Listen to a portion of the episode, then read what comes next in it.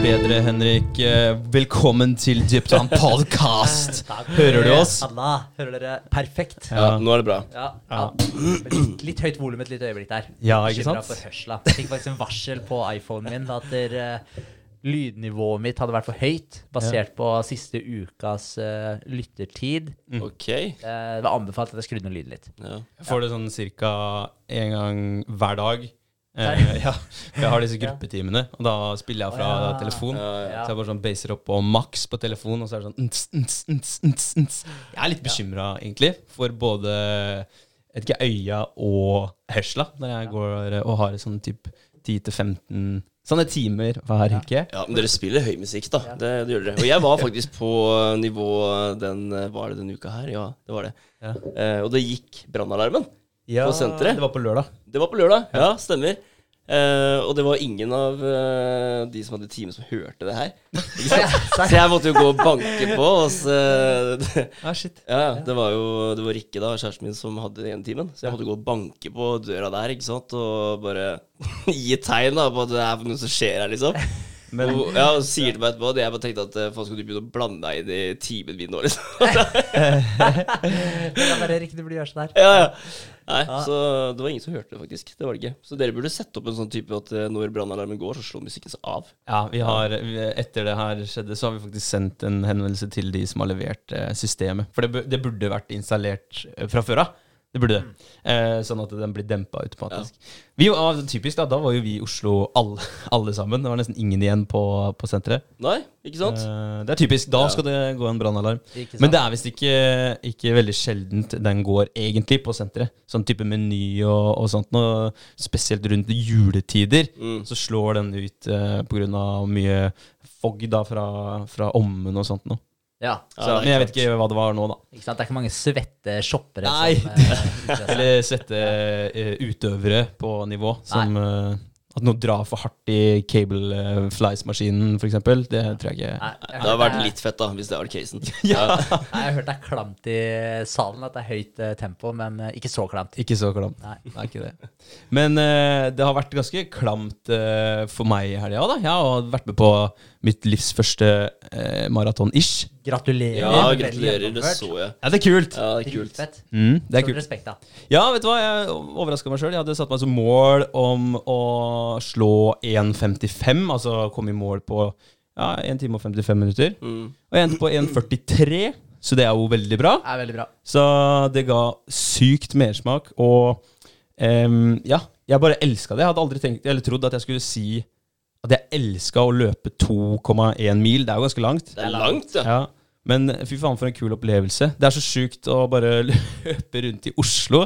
Altså rundt der alle butikkene er, da. Og så står det folk og bare heier på deg. Så bare Ja, kom igjen, André! Og jeg bare Blir rørt, liksom. For jeg kjenner jo ikke de. Men eh, folk er bare dritsupportive, da. Og så var det musikk langs hele løypa. Rockeband som sto oppe i parken og spilte. Og så var det en gjeng med gutter som var utkledd i sånne grønne, merkelige drakter, som sto med tuba og fiolin og spilte kjente klassikere. Og, nei, det var, det var dritkult. Kult. Faen, så fett. Ja, det hørtes dritkult ut. ut. Altså, det frister til gjentakelse. Jeg har faktisk eh, meldt meg opp, eller meldt meg på, en maraton i mai. Oi. Kjøpte billetten i stad. Så det er 4,2 4,2 mil, da.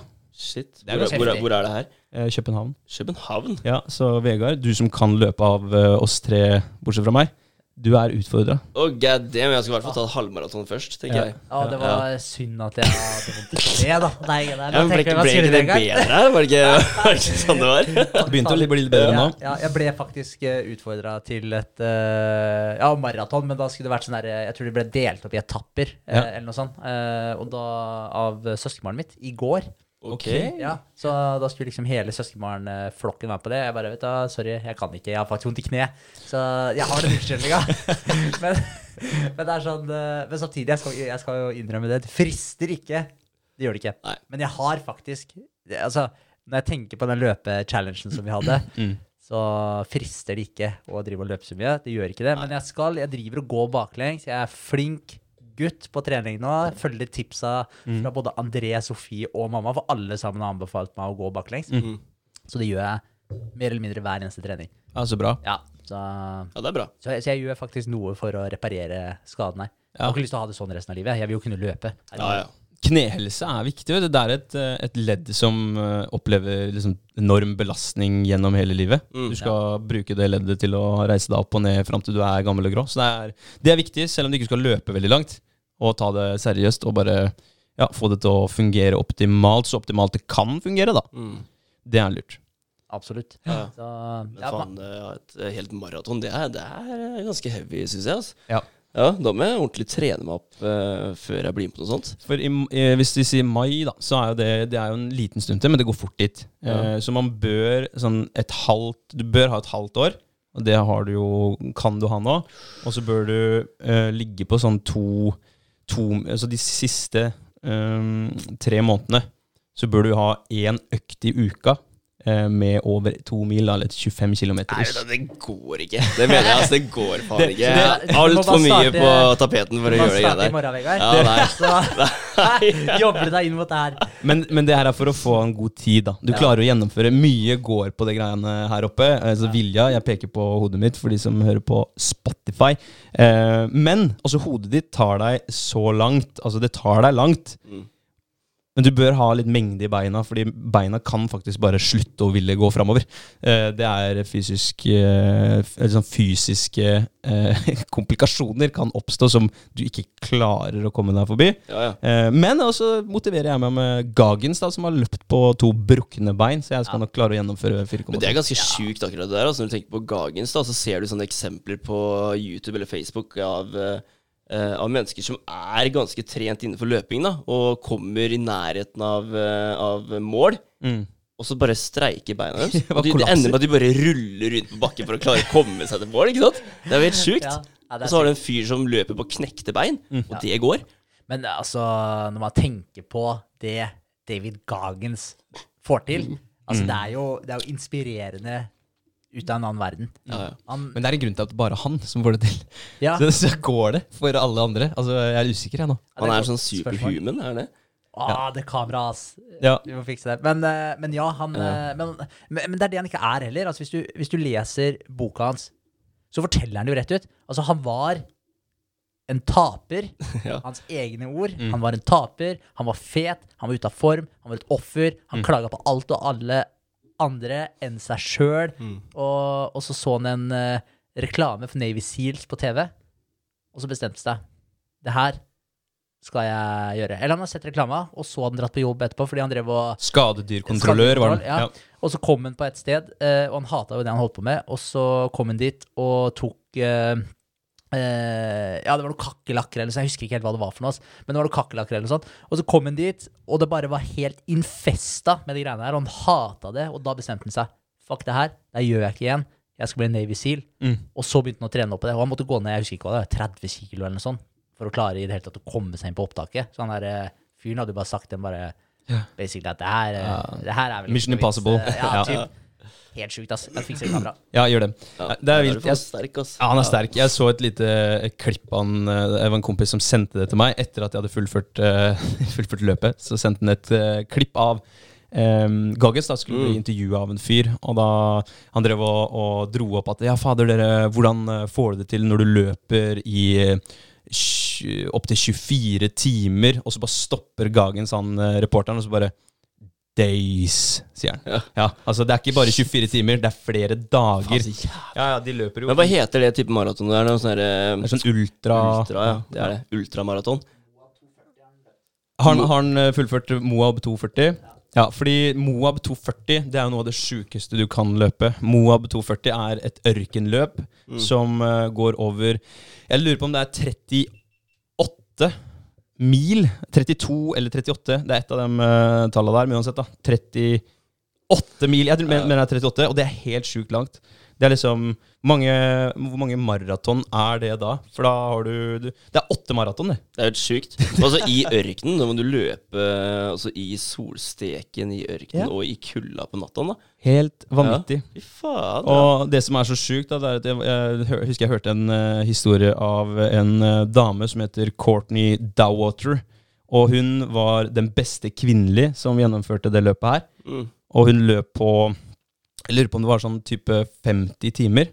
eh, løp hun. Eh, og da var hun Hun var i mål åtte timer før nestemann på lista. Å, dude. Ja, det er helt vilt. Men Så- faen, skulle det vært den ultimate challengen eh, for oss, eller? Ikke, ikke Ja. maraton, men type Navy Seals-test, da. En sånn uke. Det må sånn derre Det må være et sånt program der ute. Sånn Hell Week. Ja, altså Prøv deg, da. Er du, er du verdig å bli eh, Navy Seals, liksom? Eller Mm. et eller annet? Fallskjermjeger, et eller annet, da. Det hadde gått an å kjørt uh, det der uh, programmet til han Andy Frisella. Det hadde gått an. 75 Hard. Mm. Ja, var det, ja. Det er 75 dager med diverse greier. Og det innebærer sånn type det, Ja, det er to treningsøkter om dagen, men det, men det trenger ikke være sånn at du, at du sliter deg helt sinnssykt ut. Men du skal ut av døra, du skal kjøre en treningsøkt to ganger om dagen. Mm. Uh, og så skal du drikke så og så mye vann, du skal eh, lese så og så mange sider av uh, noen bøker. Og det, det er sånne type ting, men du skal gjøre det i 75 dager. Skal du holde de rutinene her gående. ja. Ja, Da så- tror jeg jeg blir singel igjen, altså, for å si det sånn. Jævlig bra. Neida, men, det er, men det er sånn, så det er jo ikke det som er beinhardt med det, er jo egentlig litt det vi driver med, i forhold til at du må gjøre en ting så mange dager på rad. Ja. Ja.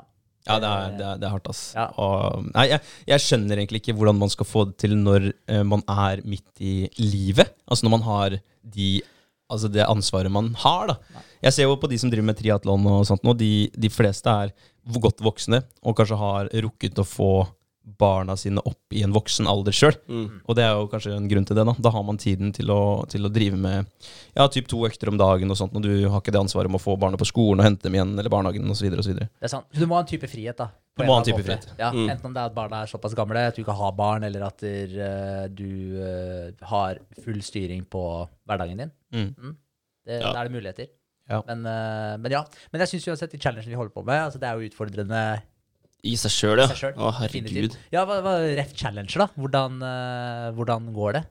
Nei, jeg har vært uh, sjuk nå, da. Fra ja, fredag da, til, eh, til nå, egentlig. Ja. Mm. Ja, og En liten recap av challengen. Ja. Ja, Ja. ja, vi kjører jo pushups. Ja. Ehm, og det, målet er 10 000 pushups for de som ikke har uh, fått med seg det, i løpet av eh, en måned. Mm. Og hvor mange jeg er på nå, det er jeg litt usikker på, faktisk. Mm. Eh, men vi er på dag eh, 19 nå, da. Mm. Det er vi. Jeg ligger jævlig dårlig an, bare for å si det. Eh, Jeg har jo fått meg en liten sånn eh, merking eller kjenning i skulderen som jeg har slet med før. Ja. Og forrige gang vi kjørte challengen, så var den bra, så jeg hadde egentlig håp om at jeg kunne bare gønne på. Men det viser seg at det- kan være lurt å belastningsstyre det litt sånn porsjonsvis. At man øker For jeg tror jeg gikk ut litt for hardt. Ja, du, du starta jævlig- 350, Ja. og tenkte at nei, men jeg kjører bare det snittet her, for da kommer jeg i mål eh, safe and sound. Men mm. det gjorde jeg ikke. Og så har jeg den skulderen fra før av, som eh, har vært litt uh, kinky. Og ja, det kan være flere ting. Så jeg merka det når jeg løp nå også, at det, det var det eneste stedet jeg kjente det etter halvmaratonet. Det var skuldra. Ah, ja. Ehm, så overraskende bra for, for meg sånn løpsmessig. Det gikk jævlig bra, men uh, skuldra var litt uh, lei, da. Ja. Um, så, så challengen går ikke sånn superbra. Jeg har tatt nå de dagene hvor jeg har hatt vondt, så jeg har tatt begrensa antall, sånn type 50. Mm. Jeg har tatt noen 40, og noen 50 og noen 60, så jeg er ikke på mer enn 4550. Ja. Men nå har jeg fått uh, Ja, jeg får litt grann progresjon, da. Ja. Ja. Det er en del igjen, altså. Det er en del igjen. Jeg skal ta det. på 11, 11 dager. Ja. Jeg tror jeg har eh, i gjennomsnitt uh, typ sånn 489 stykk per dag Mm. framover nå. Ja. Skal jeg gjøre. Og så må jeg ta 200 per dag da når vi er på den turen vår til helga. Ja, for du har regnet- Ja, ja, du har Ja. regna ut dem? Trukket dem ut? Ja, eller Ja. det blir 200 de dagene der, da. Okay. Det gjør det. Og så blir det 489 resten. Siste dagen så er det 499 som jeg måtte Så jeg tror jeg bare gønner litt flere da, de eh, dagene her, og så Mm. kan jeg minske litt på slutten. Ja. Ja. Ja, jeg, jeg har også kalkulert inn litt lavere antall på uh, Dudes tur. Ja, For det tar så lang tid! Ja, det er, ja, det er det jeg tenkte. Det Altså, gutta time, kan ikke, liksom. kan, ja, jeg bruker over en time på Eller spørs selvfølgelig hvor mange man skal ta. Ja. Men når du begynner å komme opp i 450. ja, ja. 400-450 Da, da det, det går jo halvannen time typ på, på økta. En time og 20 minutter. Ja, ja, det er 40 helt sykt. Jeg, har, eh, jeg er heldig, da. Som jeg, har, jeg har jo en eh, fysioterapeut som jeg bor sammen med. Hun har satt litt nåler i meg og litt sånt nå. Og så har jeg fått noen meldinger på, eh, på Instagram, faktisk. Eller ikke noen. Jeg har fått en, en fysioterapeut som har sendt melding og, og liksom reagert da på Og jeg satt egentlig bare og venta på at du skulle få vondt i skuldrene dine. så, men hun, kom, hun sa det bare fordi at hun ville komme med, med tips. Da. Så det var veldig hyggelig. Ja, det er bra. Det er bra at folk følger med. Det er bra. Men uh, jeg har kjørt på jeg, med flere reps i det siste. For jeg tenkte at der, jeg, har motivert meg med at der, for hver ekstra rep jeg tar nå, Ja. jo færre blir det På slutten. på slutten. Ja, det var det jeg tenkte òg. Ja, så, så, så nå ligger jeg faktisk veldig godt an. Nå tror jeg jeg har snitt på 380 eh, på de resterende dagene, bortsett fra dudestur, da jeg satt 125. Ok, når du er der, ja. Ja, så nå, så nå har jeg tatt 600 6640 eller noe sånt. Ja, ikke sant? Jeg har bare 109 mer enn deg da, i gjennomsnitt. Det er bra. Ja. Ja. Så, nei, sånn så, er jeg, ja, så jeg ser lyst på avslutninga nå, jeg gjør det. Men jeg har eh, ikke bank i bordet.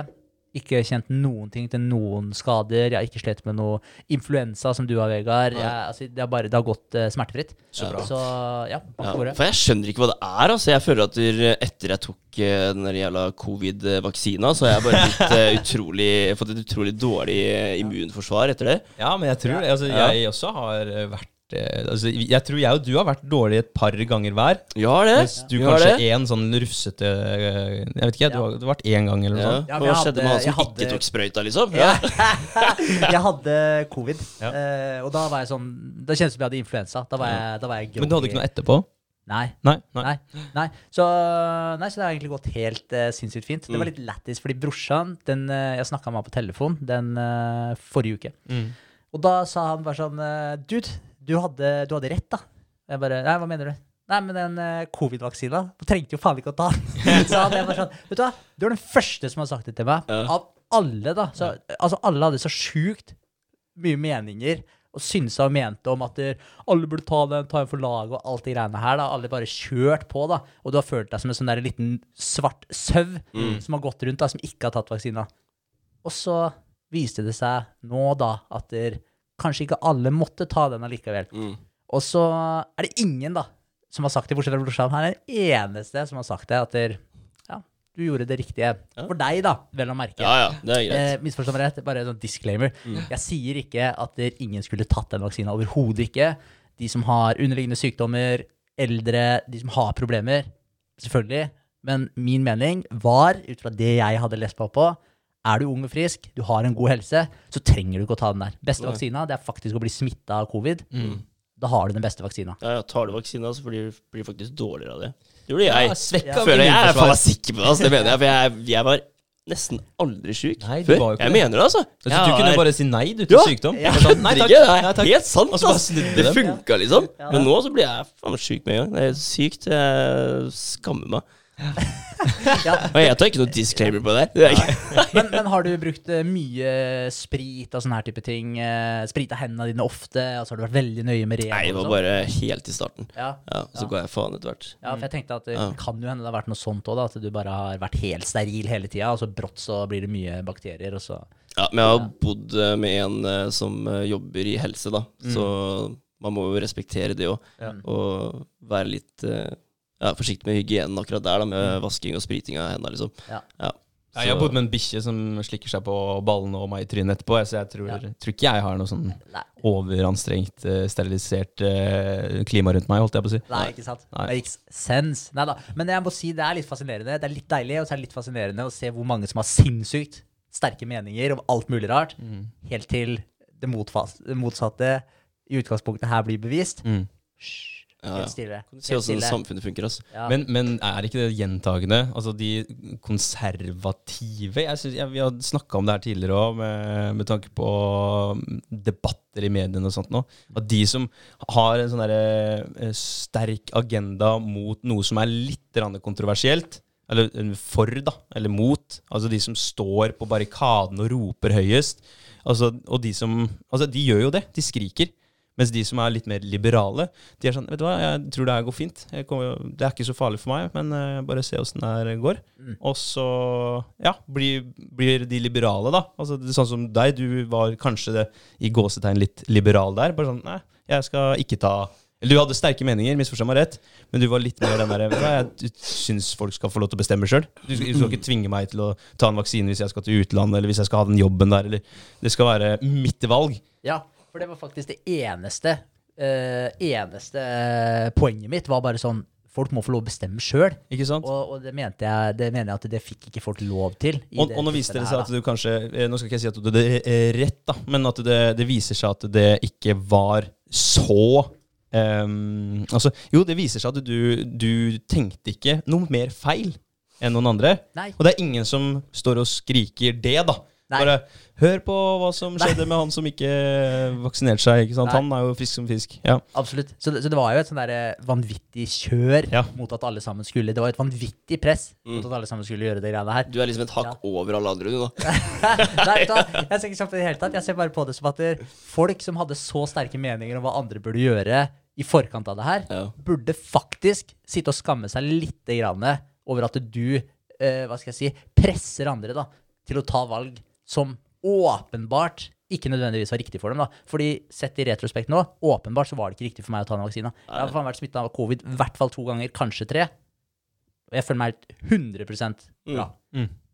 Og så 100%. si- så sitter vi her og bare detter fra hverandre med Ja, ja. skuldre og Ja, ja. hamstringer og. Ja, men, Ja. eh, nei, da, men jeg tenker at det er en eh, lærepenge man kan ta med seg. Igjen, jeg sier ikke at, der, eh, at vaksina bare var bullshit. Overhodet ikke. Men den var ikke riktig for alle sammen. Og det var det narrativet som ble pusha. At den var riktig for alle sammen. Og det syns jeg ikke noe om. Nei, det er sant. Faktisk system, ass. men ref, ref når vi snakker om uh, the system, og vi snakker om kontroversielle ting Yes. Andrew Tate, kan vi være så snill å snakke litt om han? Ja, ja, ja, Har du fått med dere eh, hva som har skjedd? Har du fått med hva som har skjedd, André? Nei, jeg jeg det. snakka litt om det. Ja. Jeg tror ikke det. Han, eh, han eh, ble jo Altså, han og broren de har, eh, de har, eh, har hva skal jeg si, sosiale medier, som alle andre. da. Mm. Og så har de drevet og uh, pusha ut eh, videoer hvor de snakker om egentlig personlig ansvar. De fremmer litt eh, maskuline verdier, og så, og så er de hva skal jeg si, veldig kontroversielle i måten de sier ting på. Mm. Eh, så de, de vil vekke reaksjoner. Eh, men brått da, så hører du at de har blitt banna da, fra sosiale medier. Mm. Du har hørt at folk har blitt banna før. Selvfølgelig, Folk blir banna fra Twitter, Instagram, Facebook osv. Men uh, shadowband, er det det man bruker? Det Ja, der, at da- du, da dukker du ikke opp i feeden til folk? Stemmer. Ja. Men det her var, Det det her er var faktisk direkte okay, band. ja. Og vanligvis også, når du blir banna fra sosiale medier, så får du ofte en, eh, en, eh, et skriv om Mm. hvorfor du har blitt banna. Altså, det her var den uh, policyen du brøt, basically. Det her er posten som gjorde at du ble banna.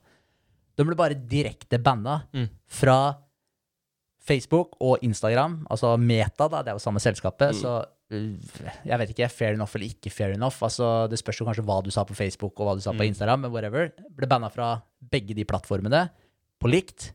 Begge brødrene. Og de ble banna fra Twitter Mm. noen sekunder etterpå. De ble banna fra YouTube noen sekunder etterpå. De ble banna fra, uh, fra Stripe. Stripen deres ble stengt. Andre bank- og betalingsapper de hadde, ble, eh, ble sperra. De ble, de ble kast- kasta ut fra Uber. Ja. Kødder du? Ja, nei. Altså, alt det her skjedde på likt, liksom. Fryste kontoen deres. Ok. Ja. Det er sjukt. Og tok fra dem friheten sin, da. Yes. Alt. Ja. Helt sjukt. Og, og så, rett etter at det her skjedde, da, så ble det pusha ut masse stories i media om at der, han var en kvinnehater som misbrukte damer og drev, og, drev med sånn human trafficking, okay. menneskehandel. Og det bare Historiene bare florerte altså på masse nyhetskanaler. Og da hadde de blitt silensa, for de hadde jo ingen kanaler i utgangspunktet som de kunne forsvare seg på. Og så viser det seg i ettertid, da, så kommer Fordi det, det kom ut en video av at han eh, Andrew eh, Tate At han, eh, han og ei dame eh, eh, Hun dama hun er bare i undertøyet. Og så slår han henne med et belte på ræva. Mm. Samtidig som han sier et eller annet at han skal drepe henne, eller et eller annet sånt her, da. Og det ser jo helt fucked up ut. Mm. Og så sier de at der, han driver og banker damer og sånn. Og så kommer det ut en video i ettertid da, som hun dama her legger ut og filmer seg sjøl, og så sier hun at der, eh, folkens, vi filma det her sjøl. Det her var basically BDSM, liksom. Det her var sex, eh, sexlek. Eh, Andrew Tate er en dritnice type. Ja. Vi kjenner hverandre godt, vi har kontakt i dag, basically. Han, bare, han er ålreit. Alt som mediene skriver, det er bare bullshit, liksom. Jeg var 100% med på det. Ikke noe vold her, ingenting, liksom. Det her var basically en sexlek. Mm. Og så gir ikke mediene seg, og så kommer hun ut med tre videoer, har hun lagt ut, hvor hun sier 'hallo, folkens', det var en lek. Slutt opp, Å ja, serr? Det har Tre videoer sett, har hun lagt ut. Ja.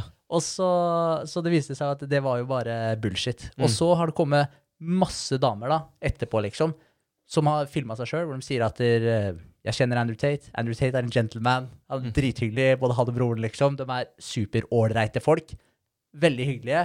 Og, og, så de har ingenting vondt å si. Og de mediene har drevet og kontakta eksene hans og sånn, for å prøve å betale seg til en story. Og det er ingen av dem som har kommet ut med en story i etterkant. da. Så det her har bare vært en helt sinnssyk heksejakt. Hestejakt. Nå har jeg jobba for mye med se, altså. Med bare, ja. Eh, Men eh, så, så det har ikke kommet ut noen stories etterpå, da. Så det har jo blitt eh, Så det ble jo skikkelig kaos, ikke sant? På, liksom, for de dreit seg jo sinnssykt ut, da. Mm. Eh, De ja, sosiale plattformene. Og egentlig bare sånn men, men hva faen er det som skjer her? Var det noen som hadde en agenda? Det er jo Altså- det som er spørsmålet. Ja. Hvorfor ble disse gutta banna fra sosiale medier? Og begge to, da. Mm, på likt. Ja, og Instagrammen hans. Der, der hadde han ikke noen videoer av seg sjøl. Han, han hadde kun eh, bilder av bilene Mm. sine og noen damer og Mm. Ganske plain eh, Ja. Instagram. ja. Ja. og der også ble han banna, da. Ja. Så da er jo spørsmålet dukka opp, da. Hvorfor ble disse gutta banna fra alle plattformer? Og er det lov å bare ta fra noen talerøret, da? Mm. Ja. Friheten. Hva skal til? Og Det de er jo systemet, da. ja, Ja. og de fikk ingen Forvarsel? forvarsel. Og de, fikk, de har ikke fått noe skriv at det her er policyen du brøt, eller noen ting. Silence. Det lukter saftig rettssak, altså. Ja, det er helt sinnssykt. For uh, vet du hvem han Alex Berenson Ikke Jones, Alex Berenson er? Jeg tror du sier Alex Jones. Nei, jeg tør ikke gå inn på det området der nå. Nei. Nei, Berenson Nei.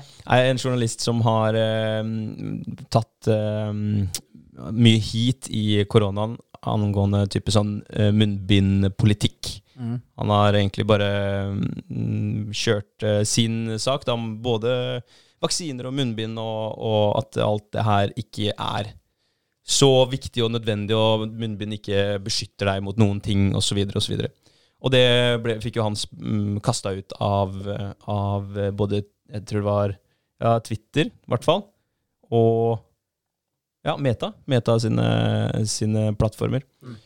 Og han endte jo opp med å saksøke. Så han, eh, han vant jo på noen punkter, men det var noen punkter som han ikke vant på. Eh, og nå skal han faktisk saksøke Det hvite hus, Oi. fordi at Det, det hvite hus har vært med på å eh, Hva heter det? svartmale da. Mm. Han som eh, journalist. Ja, defamation. Yes. Ja. Så det, det kan bli spennende. Ja. Da skal han faktisk ut mot eh, det store Oval Office og, og saksøke de. Ballsy. Det er Ja, ballsy. det er men, han, men han ble også da kasta ut, og uten em, Hva skal vi si Uten bevis om at han har sagt noe som ikke er riktig, da. Mm. For det er jo det de sier, at han kommer med farlig misinformation, som man kaller det. Og så er det ikke det i det hele tatt. Det er bare hans synspunkter som er Mm. backa opp med forskning, da. Ja, og en liten kommentar til det òg. Det er jo at han derre doktor Fauci, eller Fauci Fauci er det kanskje Fauci, han heter. Fauci. ja. Han, eh, han også sa jo eh, Det var jo filma et par år før covid brøt ut. Eh, så var det jo filma et intervju med han Mm. om i forhold til viruser og sånn her, da. Og hvordan man best beskytta seg mot det.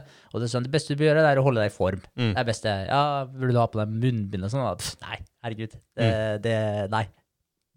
Tren, hold deg i form, spis ok, liksom. Så det beste, det beste du kan gjøre, det er å, det er å bli smitta. Det er den beste vaksinen. Han sier det rett ut, liksom. Og så er det bare Nei, han skal du ha på to munnbind og tre munnbind. Og, Det er sjukt, han har sagt av, liksom. Altså, han har sagt det ved flere anledninger, sagt, altså mot seg sjøl, da. Ja. Contradicting opinions. Og det har han sagt i forhold til eh, lockdown også. For han eh, var jo totalt imot lockdown i, i starten. At det skulle man aldri gjøre. Og så gikk det kanskje et par måneder, eller eh, det gikk en liten stund, da. Og så kommer det et intervju hvor han, eh, hvor han er skikkelig for. Ja. Ikke sant? Så det er, eh, enten så er han dritsenil, eller så er han bare styrt av noen andre i bakgrunnen. da. Something's rotten in the state of Denmark. Kanskje det. Ja. Ja. Uh, men uh, det som er litt interessant med han er Tate, er for det var egentlig du som gjorde meg uh, Eller de Tate-brødrene, får man heller si. Det Ja. var du som gjorde meg bevisst på han til å begynne med, Vegard. Ja. For du hadde sett noen videoer av han også, og syntes ja, at han hadde fått til mye fett. da Ballsy type. Ja, Han Ja, ja. hadde mye interessant å si. Også, For han er gammel fighter, er han ikke det? Jo, Jo, jo. de har jo starta fra bunnen, da. Ja. Det, det må sies her. Ja, Ja, altså de har, de har kommet fra Altså de, har, de hadde ikke cash når de var små, liksom. ingenting. Nei, nei, nei. Så det, jeg hørte storyen deres, og de sa at de, uh, uh, for å skaffe mat når de var yngre, når de to bodde sammen da, og prøvde å få til noe, så, så var det drap på vet noe, KFC, er det ikke det heter? Ja, og der spiser jo alle de bøttene ikke sant, med de vingene i, og det sto alltid bøtter igjen eh, som ikke var spist opp. Så de kjørte alltid runde på kvelden og samla de bøttene, ikke sant? og da hadde de middag de dagene etterpå. da. Det, var sånn de, det var sånn de fikk middagen sin, da, for at de kunne ja, trene og bli kickboksere, da, rett og slett. Har, de har Ja. klora seg oppover, da, for å si det sånn. Og kom fra ingenting. Eh, og han eh, Andrew Tate, altså han er en legit type. Fire ganger verdensmester i kickboksing. Ja, det er helt rått. Ja, det er helt rått. Og så, ja, og så begynte han å jobbe seg videre med businesser. Startet noen kasinoer i Romania. Og jeg har bare gjort det dritbra, da. Eh, Ja. så, dem, eh, og, ja, så de har en utrolig fascinerende historie.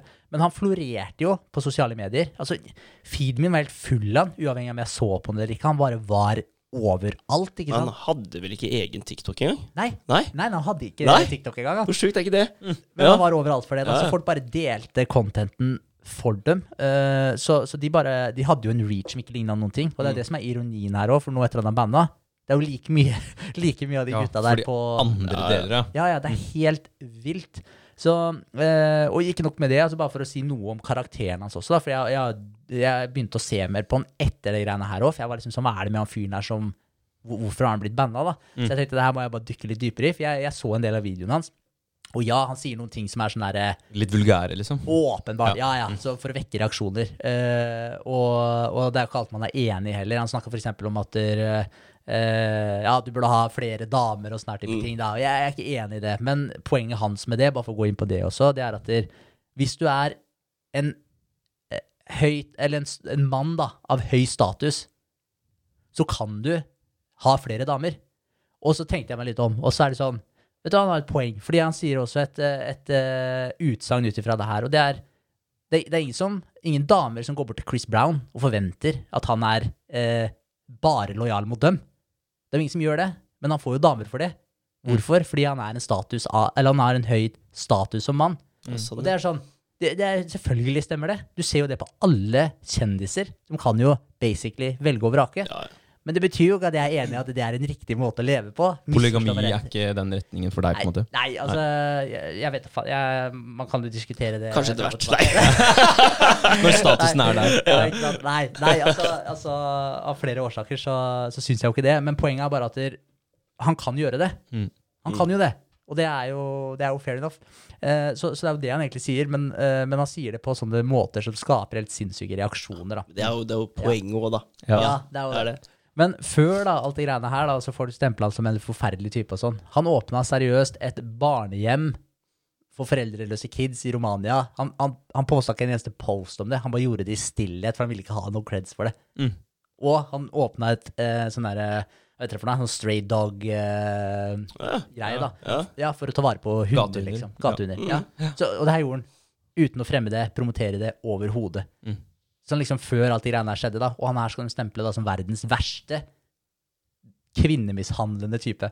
Men så har jeg hørt på mye av det han har snakka om nå, for jeg har jo, det her har jo fanga oppmerksomheten min, åpenbart. Mm. Og så, og så er det sånn derre Altså, ting som han sier, det er legit bra ting. Det han egentlig sier, det er skjerp deg, slutt å finne på unnskyldninger, brett opp skjorteermene, kom deg på jobb, jobb for å skape en bedre framtid for deg og dem rundt deg, liksom. Man snakker om matrixen, da, kom deg ut av matrixen, liksom. Eneste måten du gjør det på, det er å jobbe beinhardt, oppnå økonomisk frihet, og komme deg ut av matrixen. Og, og det, er- hva skal jeg si, det er jo mye, mye sant i det han sier, da. Mm. Så, så bare Så kom det etter at han hadde blitt banna fra alt, så har vi Patrick Bet David. Ja, ja. Valuetainment. Valutainment, ja. Yes. Og han har jo en superkjent podkast. Så han har jo lagt ut en episode nå, da, med Andrew Tate. Fem timer intervju Oh, shit! hvor de går i dybden på hvem Så- han er Så det er etter, etter han ble banna? etter det der. Ja. Ah, Den har fått fem millioner views på fem dager. Satan. Ja, det er, Altså- helt sinnssykt. Ja, ja. Altså, folk er sultne etter det Andrew Tate har å formidle. Og broren, da, Tristan Tate. Mm. Altså, de er, det er legit, det folk, liksom. Og ja, misforstå meg rett. Det er ikke sånn at du trenger å være enig i 100% av alt alle sier. Og jeg er ikke enig i 100% av det de sier heller. Men greia er at det er kjernen og hva skal jeg si, majoriteten av poengene dømmes, hvis du ser bort fra det derre ja, at ja, du burde ha masse damer og bla, bla, bla. Så hvis du ser bort fra de tinga der, så, så det er mye verdi i det de snakker om. Og de har faktisk levd igjennom alt det greiene her og funnet ut hva funker, hva funker ikke. Og i dag så båler det ut av kontroll. Mm. Det er, det er helt vilt, liksom. Og, så, og det der med at de ble banna fra alle de sosiale mediene også, det spilte ingen rolle for dem, fordi folk deler så sjukt mye eh, hva skal jeg si, stoff om dem Mm. nå, samtidig som at de har såpass mange businesser, så de har så mange føtter å stå på. Og det også er veldig interessant, for de trenger ikke sosiale medier for å tjene penger. Mm. Det er ikke Altså, den var jo Hva heter det for noe? Eh, demonetized. Ja. De tjente jo ikke penger på videoene sine uansett. Nei. Så for dem da å bli banna fra det, det hadde egentlig ingenting å si.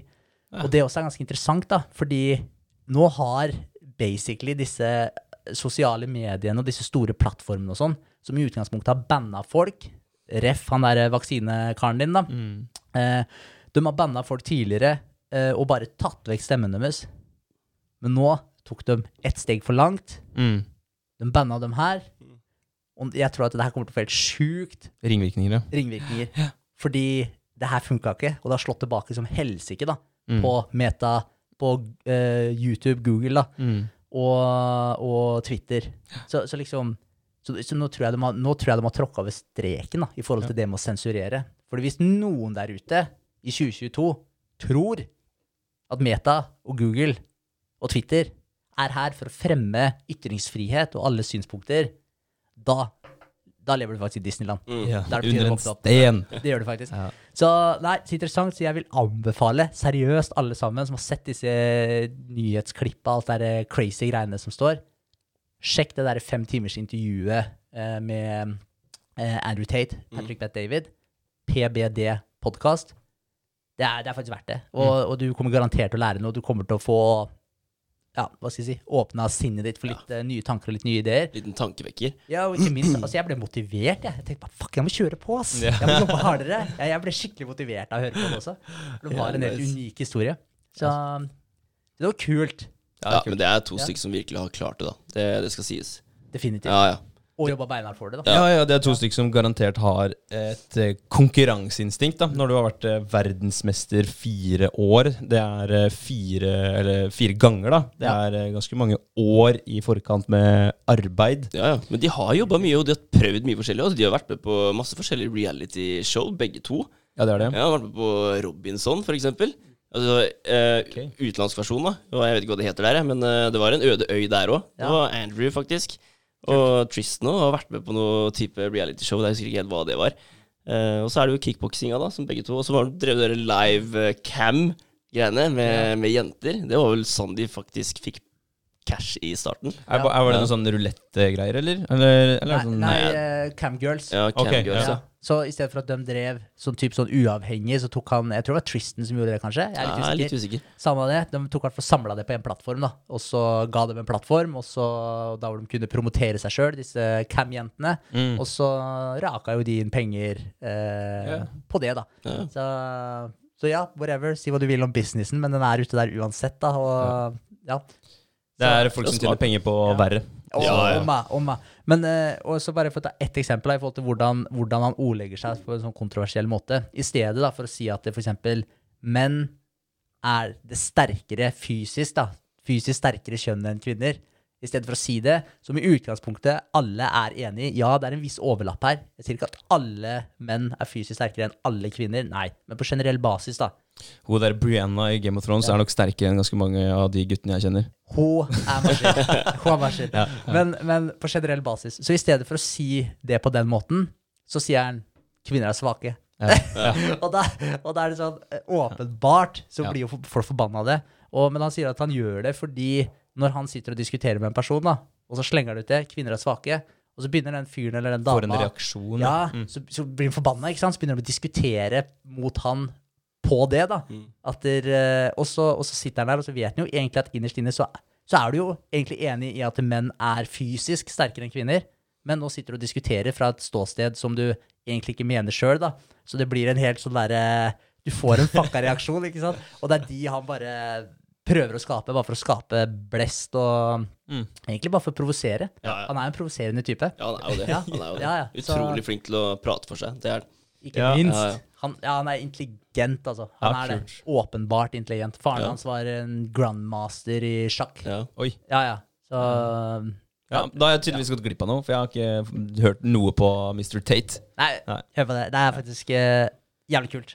Men, eh, men han er jo garantert en vinnerskalle, og jeg skal snakke litt om, om det i dag. Yes. For en liten, eh, liten eh, digresjon ut av podkasten Vie til Andrew Tate i dag. Så kan jeg komme med en liten digresjon? ja. Fett. Um, jeg har jo konkurrert Det er litt derfor jeg tar det opp, fordi jeg har konkurrert med meg sjøl.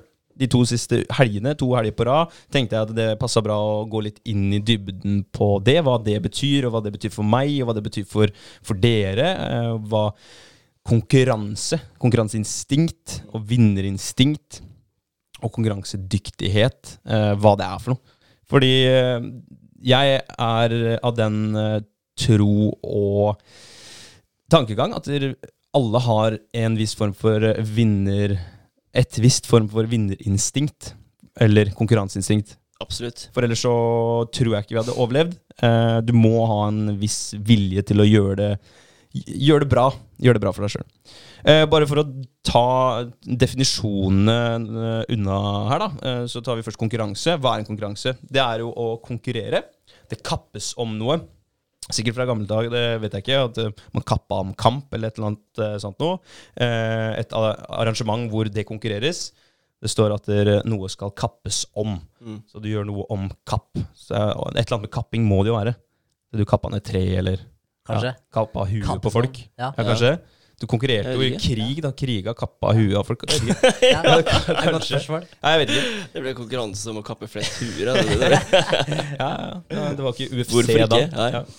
Men eh, det er i hvert fall en, en konkurranse. Og innen økonomi så er det en situasjon som oppstår når flere økonomiske aktører søker å nå samme mål. Da er det en økonomisk konkurranse. Innen biologi så er det når to eller flere individer utnytter den samme ressursen, og derfor er negativt påvirka av hverandre. Så én tar ifra den andre, Mm. mens den andre eh, gainer noe. Da er det en eh, biologisk konkurranse. Og konkurranseinstinkt, hvis vi tar instinkt, ordet instinkt, det er, en, eh, relativt, det er relativt kompliserte, men ulærte atferdsmønstre for eh, en særegen art. Eh, så det vil si at det er atferdsmønstre som ligger latent, eller ligger innebygd, programmert, som en slags refleks, eh, er et ord vi kan bruke i det dagligdagse, eller intuisjon. Så det er noe vi, eh, vi har med oss da fra langt tilbake i tid. Der har du jo faktisk det, eh, det poenget til Jordan Peterson også, i forhold til at der, eh, humre Du har sikkert sett det der lobster eh, eh, Yes. lobster-memesa som har kommet etter, eh, fra Jordan Peterson. Eh, fordi de, eh, nervesystemet til hummere reagerer også på antidepressiva. Mm. Ok. Ja, så, så basically hvis en hummer taper slåsskampen Mm. og blir eh, lei seg nedfor, er ikke topp lobster lenger, og så gir du en antidepressiva, så vil den komme opp her og føle seg som en topp lobster igjen, og utfordre andre igjen. da. Mm. Mm. Så, så det er sjukt. Så vi har faktisk samme reaksjoner i nervesystemet, og det er jo egentlig det du, du er Mm. inne på der. Det går langt tilbake i tid, til skalldyr, reptiler og det langt, langt tilbake. Så når en, en eh, For det er jo i boka til Jordan, den tidlig i boka, så det har jeg faktisk eh, lest. Jævlig kult, egentlig. For eh, når en, eh, en hummer da taper en kamp, så blir den faktisk superlei seg, og kan egentlig dø da etter den kampen. Blir utstøtt, og du får ikke de fine damene, for du er ikke alfa. Du kan ikke drive med polygami da, for du er ikke av status, eller høy status, høy rang. Ikke sant? Ja, så det er instinkt. Det er eh, noe som ligger innbygd i oss. Så tar du det her sammen, konkurranseinstinkt, så det er en naturlig medfødt lyst til å konkurrere eller være best. Og så kan vi ta vinnerinstinkt, det er noe av det samme. Det er en følelse for å vinne, en trang til å kjempe seg til seier. Så de, er- de er ganske like. Jeg tenker at vi egentlig bare trekker en, eh, en tråd mellom de. Og snakker vi om vinnerinstinkt i dag, så snakker vi om konkurranseinstinkt. Eh, og vi snakker for så vidt også om konkurransedyktighet. Jeg skal ta en liten eh, definisjon på det òg. Vi kan eh, beskrive konkurransedyktighet. Eh, hvis, vi, hvis vi tar eksempel i et, i et land, som Norge eller Sverige eller Finland eller hva det måtte være, eh, så har du det et, Hvis det landet skal være Eller skal overleve, altså hvis landet eller en vare eller en art, så må det være konkurransedyktig. Og for landet, da, så er det konkurransedyktigheten til et land er hvordan det landet skaper de beste økonomiske, sosiale og miljømessige forholdene for landets utvikling. Eh, og det, det er da bærekraftig utvikling, når du tenker på de beste økonomiske, sosiale og miljømessige forholdene. Det er bærekraftig utvikling. FN eh, beskriver det eh, akkurat på den måten. Bærekraftig utvikling, det er de beste sosiale, økonomiske og miljømessige forholdene. Bra. Da har vi understreka det. For et land så gjelder det her. Eh, altså Konkurransedyktigheten da, det overvåker de vitale elementene som gjør at et land kan produktivt eh, prestere. Altså det kan eh, Det gjør et land produktivt, og benchmarker ethvert land prestasjoner. Så du kan hele tiden sammenligne deg med andre land når du har definert eh, konkurransedyktigheten til eh, landet. Hva betyr det her, da? Det betyr at streben etter konkurransedyktighet er å streve etter velstand. Eh, Det betyr å skape flere muligheter for alle mennesker, forbedre måten folk lever på. Eh, og en konkurransedyktighet i økonomi vil sørge for som regel en bærekraftig utvikling. For har du økonomien til grunn, så er det lettere å ta de eh, økonomiske valgene sosialt og miljømessig for fremtiden, da, for, eh, for landet. Så, så jeg liker egentlig den eh, første setningen her, om at det, er, det handler om å eh, gjøre det lettest for oss sjøl for å bringe brandet, eh, landet eller oss selv videre. Da. Det er Mm. konkurransedyktighet. Mm. Uh, har dere, kjenner dere på noe konkurranseinstinkt i dag? Altså akkurat nå? Ja, akkurat her vi sitter nå, mener du? Eller Ja, sånn generelt? i dag- I hverdagen din, Ja, liksom. Pushupsen. Ja, Ja, må, sant? må klare å nå Det er 10 000. Den, ja. Det er vinn eller forsvinn. Ja, det, Ja, det er det! ja. Det er jo det. Ja, ja, absolutt. Nei, altså, jeg, jeg føler at jeg har eh, Altså, jeg er et konkurransemenneske. Jeg elsker å konkurrere, og, og jeg eh, ja, har definitivt konkurranseinstinkt. Jeg føler seriøst at jeg har det nesten i alt jeg driver med. Mm. Ja. Som pushups-konkurransen og trening generelt, jobben min, det vi prøver å skape på utsida. Mm. Ja. Det, ja, forholdet mitt, til og med. Ja, Ja, altså prøver, innad i forholdet. ja, ja, ikke at jeg prøver å slå Sofie alt sammen, eh, i alt mulig, men bare sånn, ok, prøv å skape det best mulige forholdet, da. Ja, ja. Ja, prøv å faktisk uh, terpe på de tinga. Og jeg er langt ifra perfekt, og faktisk prøve å ta meg i de tinga der og bli en Mm. bedre person. For uh, Ja, så, så ja, konkurranseinstinkt. Jeg, føler- jeg føler på det hele tiden. Mm. Podkasten her òg. Prestere. Mm. Ordlegge deg riktig. Slutt å si øh mellom hver setning som jeg Ja, ja. holder på. Den er vanskelig. Den Ja. er kjempevanskelig. Slutt å si da etter Ja. alle setninger. Så, så, så jeg føler i alt jeg holder på med. Mm. Jeg, jeg tror også at det er et eh, Det er noe alle har, og noe alle trenger. Men så er det forskjellige grader av det, og så tror jeg man skal være forsiktig med Ikke forsiktig, men man skal tenke på hvordan man bruker konkurranseinstinktet sitt, Mm. og at det, ikke eh, påvirker andre for negativt. da. Mm. Så selvfølgelig, du skal, være, du skal ikke ta ansvar for andres følelser. Det er Tvert imot. Du skal ta ansvar for dine egne følelser. Men hvis vi tar utgangspunkt i andre ting vi har lært hverandre på podkasten her, eh, med f.eks. how to win friends and influence people, så er det noe med måten man håndterer seg sjøl på rundt andre. Mm. Eh, Så det jeg har lyst til å gå litt i dybden på i dag, er hvordan eh, håndtere sin egen, sitt eget konkurranseinstinkt. Og hvis man ikke føler man har det, hvordan man kan kanskje eh, framprovosere det litt for å komme litt videre. Mm. For det er jo det vi har lyst til. Alle innerst inne har lyst til å oppnå et eller annet. Selv om man kanskje ikke klarer å eh, finne ut av hva det er. Men du har jo en vilje til å ta et skritt til, med mindre du er i en sinnssykt dyp depresjon og vil ta det steget utafor en bru. Men eh, det er Alle har en eller annen trang til å gjøre noe. Eh, altså ta et steg et eller annet sted. Ja, absolutt. Og jeg tror også at hvis du mangler den retningen i forhold til Fordi altså, i forhold til hvor suksessrik du er i livet det er også, altså, eh, Jeg føler at det er en konkurranse med meg sjøl, Mm. og hele tiden prøve å etterstrebe å bli bedre. Altså, Vi har snakka om det her tidligere også. Hvis jeg er den samme personen om ti år som jeg er i dag, så har jeg jo faila. Det er på en måte min, min, en av måtene jeg ser på det på. Og, og det, så det er jo en, eh, til syvende og sist en konkurranse mot meg sjøl, men man måler seg ofte opp mot andre, selvfølgelig, da, som er sånn litt foran, litt bak, på samme sted som, Men som det du er benchmarks igjen, da. Yes. Og det er viktig for å finne ut av hvor man er i forhold til andre. Helt klart. Og, og, og noen mennesker er, har et naturlig sterkt konkurranseinstinkt eh, og har et sunt forhold til det. Noen har kanskje et litt mer usunt forhold til det. Da at alt skal være en konkurranse. Skal, man- skal vi ut og kjøre bil sammen, så løper Vegard inn i bilen. Han skal være først i bilen! Ja, ja. Ja, da begynner det kanskje å bli litt mye. Eh, kanskje. Ja, Da går det på ego igjen. Da, da er det kanskje Ja, ja. litt mer ego igjen. Det det. Men man har jo også Jeg tenkte på en ting også, da, i forhold til konkurranseinstinkt som jeg føler. I forhold til podden også. Da føler jeg jo konkurranseinstinkt som en helhet. I forhold til at det, om å gjøre, gjøre det her best mulig. Jobbe for å få en god kvalitet på det vi Spille hverandre gode. Nettopp. Så, så der er det på en måte en sånn, et felles konkurranseinstinkt, føler jeg, da. I forhold til at der, jeg vil være med å dra det her opp så Ja, ja. Klare å få til hver mandag. Ja. Eller hver uke, da. Ja. Ja. Ja, absolutt. Ja. Så, så jeg føler ikke alltid at det heller er eh, konkurranseinstinkt mot andre enkeltpersoner, men at det kan være konkurranse mot hva skal jeg si, andre podkaster. Ja, ja. Ja, ja. Og så blir det jo mot eh, deg sjøl igjen. Du, du vil at det her skal bli bedre for deg, men også for, for oss. Fordi det vil jo igjen gagne deg, da. Definitivt. Selvfølgelig. Men eh, altså, vi har jo forskjellige måter å, å håndtere konkurranseinstinkt på.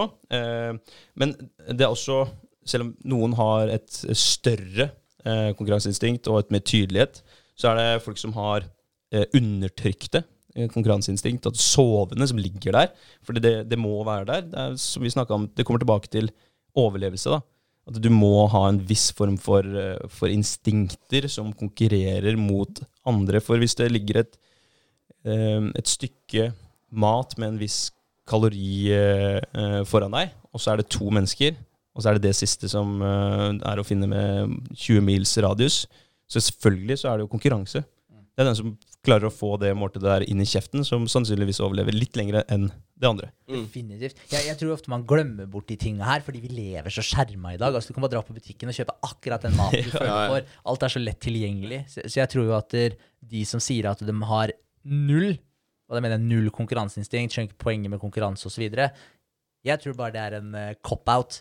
Fordi du trenger egentlig ikke, sånn i utgangspunktet, uh, å konkurrere i dag for å klare deg. Men jeg tror definitivt at det gjør noe med psyken din. Fordi da vet du jo i utgangspunktet at du er lavt på konkurranserangen, da, hvis du sammenligner deg med andre, og alle sammenligner seg med andre. Så det er helt umulig å gjøre. Jeg har egentlig skrevet uh, av det du sa der, da, den lille cop-outen, at dere, uh, folk har eh, trukket tilbake et konkurranseinstinkt kanskje litt for tidlig i livet, og da har man eh, trukket seg tilbake i en ulykkelig tidlig pensjonisttilværelse. Mm. Det er litt eh, Det kan ligge noe der. Ja, er helt enig. Da har man trukket seg fra mange ting som man kunne ha fått mye igjen for. Ja. Mm. For alt er en liten konkurranse med deg sjøl hele tiden. Ja. Så hvis du slutter å konkurrere med deg sjøl, så slutter du å gjøre fremgang.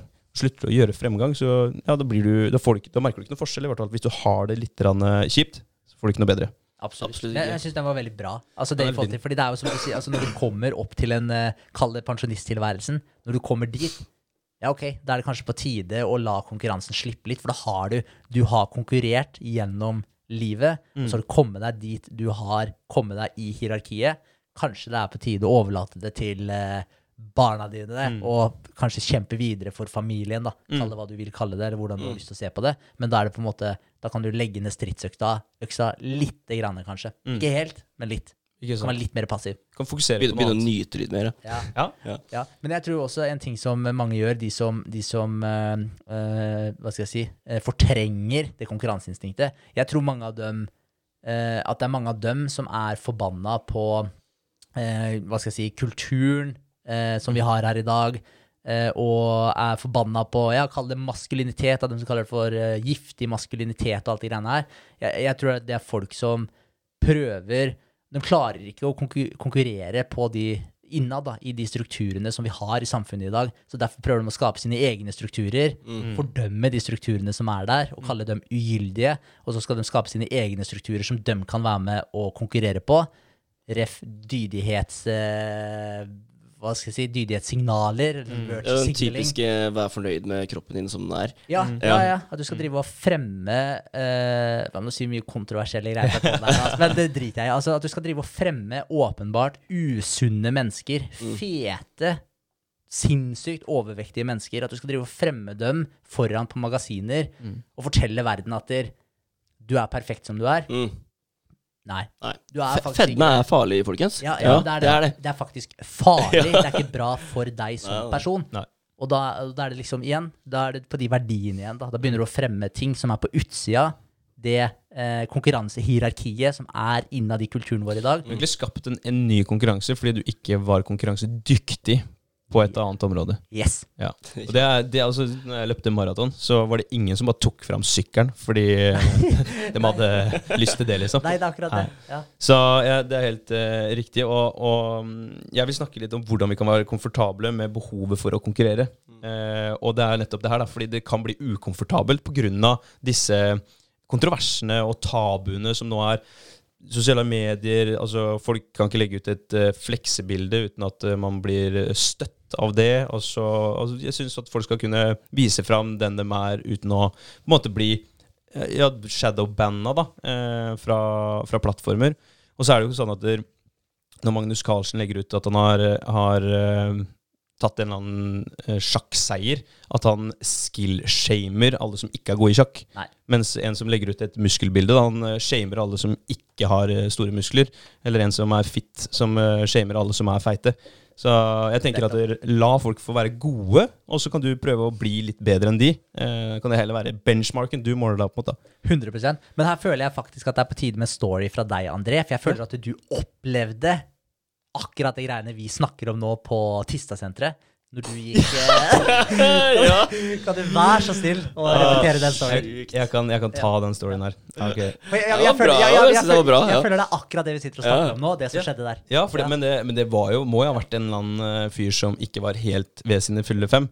Men jeg kan jo ta, ta en liten kjapp recap, da. Jeg elsker det. Ja, Det var en fredag eh, jeg var ferdig med gruppetimer. Hadde hatt eh, mange gruppetimer på nivå, mange fornøyde medlemmer. Hadde til og med kommet bort til meg og gitt meg en klem og bare 'Faen, du er så inspirerende, og du gjør dagen min', og jeg følte meg jævlig bra.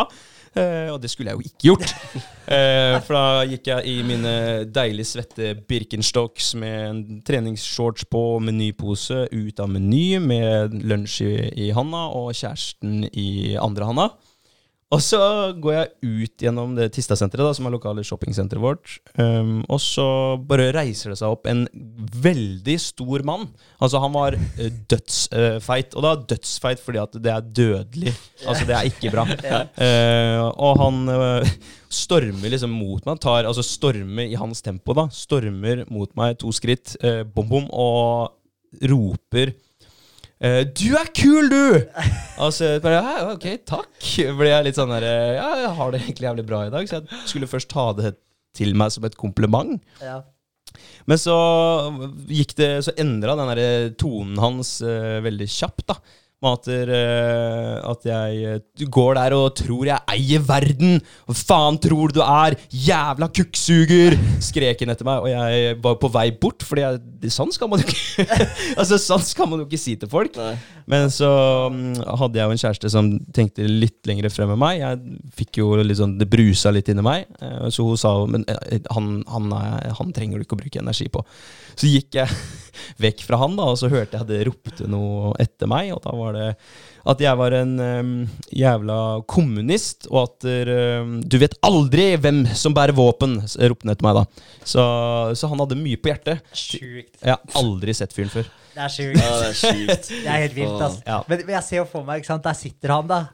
Med nar Narvesen-pølsa si i Med Narvesen-pølsa, åpenbart ikke veldig tilfreds med, med livet. Så kommer André, altfor rett i ryggen. Uh, Ser bra ut. Smiler fra øre til øre, ser bra ut, har ei fin dame ved siden av seg, går med handleposen der bare elsker livet fordi han har hatt den der perfekte treningsøkta si. Og jeg tror bare du bare mynta han på alt som han hata med verden, da. Han hata igjen konkurranse... Ja, ja. Aspekter, liksom. Yes. Ja. Ja, man ser Kanskje. at du lykkes i det hi- hierarkiet. Fuck you, du må ned. Du må ned. Ja. Ja, det var, det var en bra, bra digresjon der, eller bra parallell. Det var bra du trakk inn Ja, den. jævlig bra. Ja.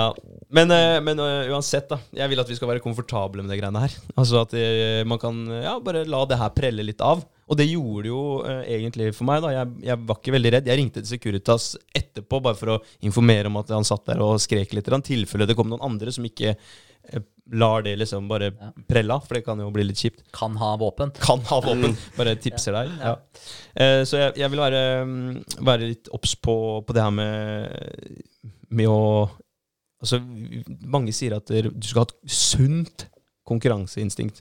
Jeg tenker, hva, Men hva er et usunt konkurranseinstinkt? Det har jeg aldri fått definert for meg. Jeg regner med at det er det her med at du, du kauker eh, til alle når du ikke får det til, og at du, du har den derre dårlig, både dårlig vinner og dårlig taper um, atferden din, da. Mm. Ja. Det tenker jeg. Jeg har uh, Og igjen, nå må jeg dra inn Jordan Peterson, for jeg har hørt han snakke akkurat om det, om det her. Og det han snakker om, er at du eh, Hvordan vinner du en lek, eller hvordan vinner du et spill?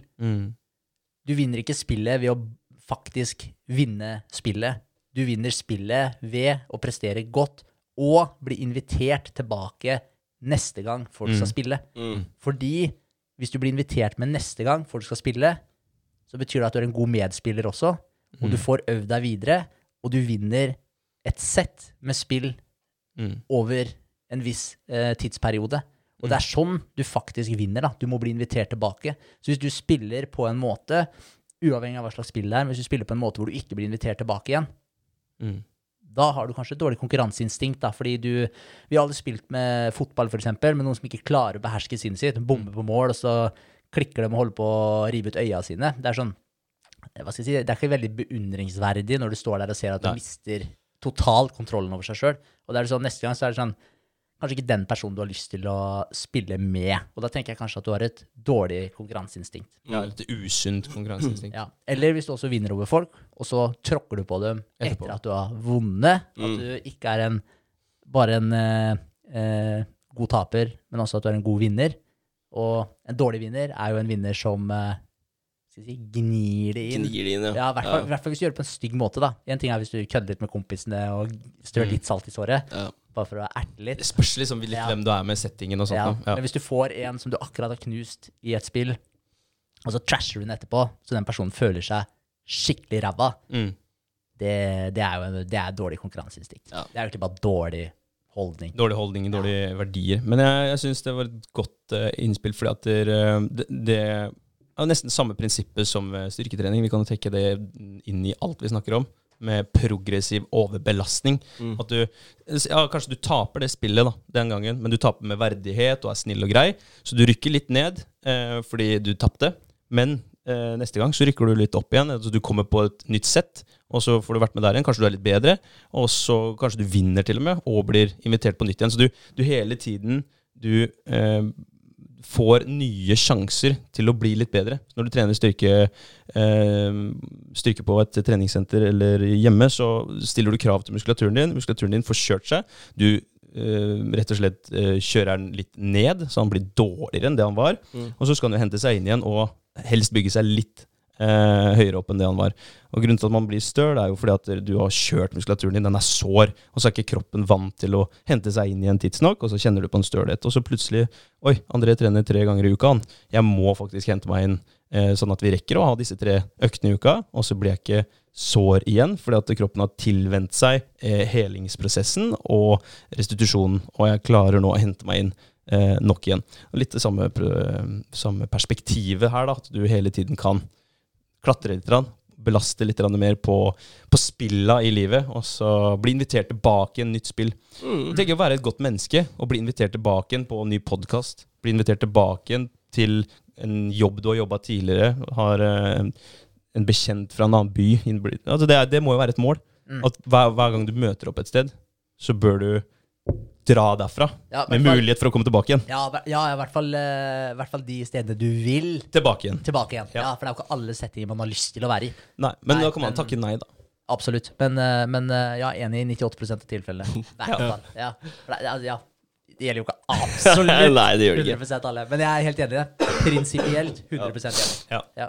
Um, altså det, det vi snakker om her, da vil være mest aktuelt hvis konkurranseinstinktet ditt er ja, Hvis du ser for deg en volumbryter, litt sånn som jeg har snakka om tidligere, sånn jeg ser for meg når man skal bli litt bedre, så stiller man på brytere i sin egen equalizer.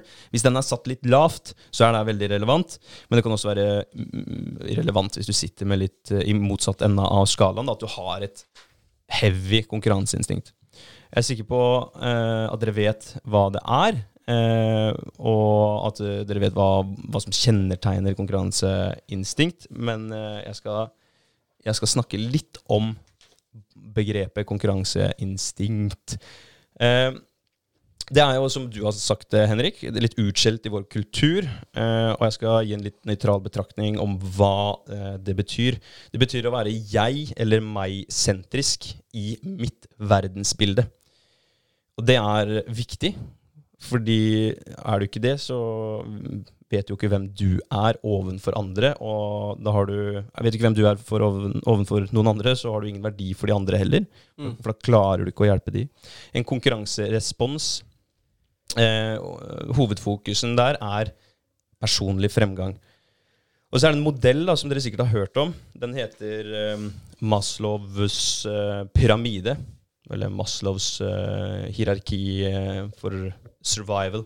Det er eh, de grunnverdiene vi trenger for å overleve. Mm. Eh, og kjapp repetisjon av, av det. da Det er fysiologiske behov. Det er sult, tørste, eh, søvn. Altså vi må dekke de fysiologiske før vi kan eh, ta til oss neste trinn, som gir oss eh, eh, enda, et, eh, en, enda en verdi. Trygghetsbehov, sikkerhet og beskyttelse. Og så har du sosiale behov som kommer etter der igjen. Så når de trygghet er dekket, så kan vi ta til oss sosialt. Og så kan vi begynne på selvaktelse eller status Mm. og jobbe med oss sjøl. Anerkjennelse. Og så er det selvrealisering til slutt av personlig og åndelig. Og det her er en fin, eh, fin modell. Eh, mens en annen modell som har kommet i etterkant av den her, Maslows-modellen eh, I etterkant av den så har det kommet en modell som heter Graves, av en, eh, en som heter Graves. Graves-modellen. Den kom på 50-tallet. Ja. Men han lagde den modellen, og rakk aldri å publisere alt i sitt verk. Så det er litt eh, mangelfullt, men det er flere som har prøvd å fullført hans prosjekter. Så hvis du, Henrik, kan bare, mens jeg fortsetter her, søke opp Graves-modellen. Fordi eh, kjerneverdiene til, eh, til eh, konkurranseinstinktet kommer inn i Graves-modellen, og egentlig inn i, i Maslow. Hvis vi tenker på Maslow her, så er det anerkjennelse, status, altså jobbe seg opp, konkurranse, konkurrere for å oppnå noe. Mm. Mens i Graves-modellen så er vi inne på den oransje eh, nummer fem. Og det som er litt sånn interessant med Graves-modellen, det er hvis, eh, for de som ser på, så er det eh, survival i bånn på første, eh, første steg i, denne, i dette systemet. Og der er, det er første trinn. Og det de har gjort her, da, i, i motsetning til eh, Bare kjøre over på den der.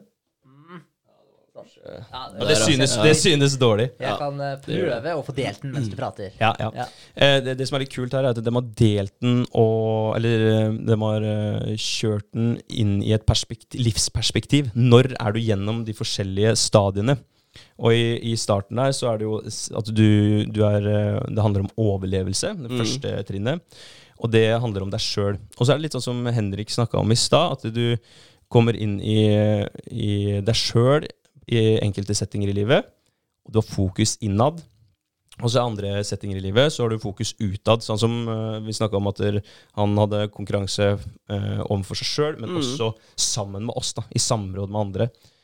Eh, så hvis vi tenker at Graves-modellen den er en mer gjennomført modell i forhold til verdien vår, fordi du kan trekke paralleller til tidlig stadie i livet, senere i livet, eh, altså midten, sånn 20-30-40-50-åra, og så helt mot slutten av livet. Mm. Og det, altså det går igjen i Maslow også, at mot slutten av livet så har du alle disse behova dekka.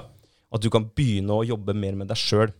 Men de er jo litt like med survival og ehm, Yes. starten på Starten på ja. livet, da. For da, her tenker vi at eh, nummer én kommer tidlig i livet. Survival. Da er det eh, rettet mot meg.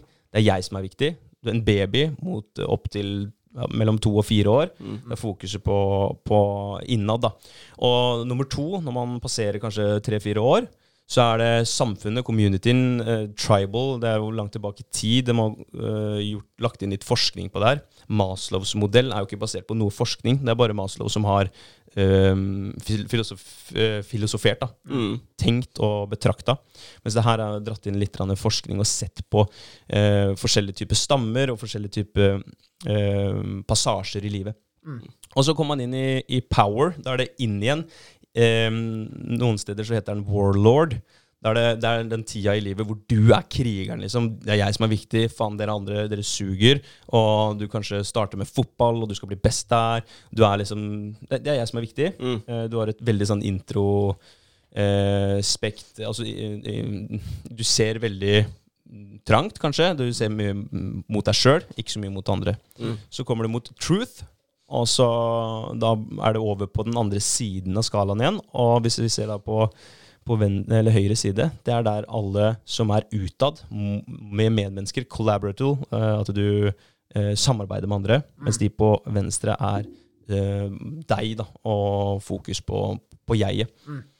Så kommer vi opp på femmeren, og det er der konkurranse eh, kommer inn. da. Så den femte eh, verdien i eh, Graves-modellen, og det er achiever. My achievement and improvement is important.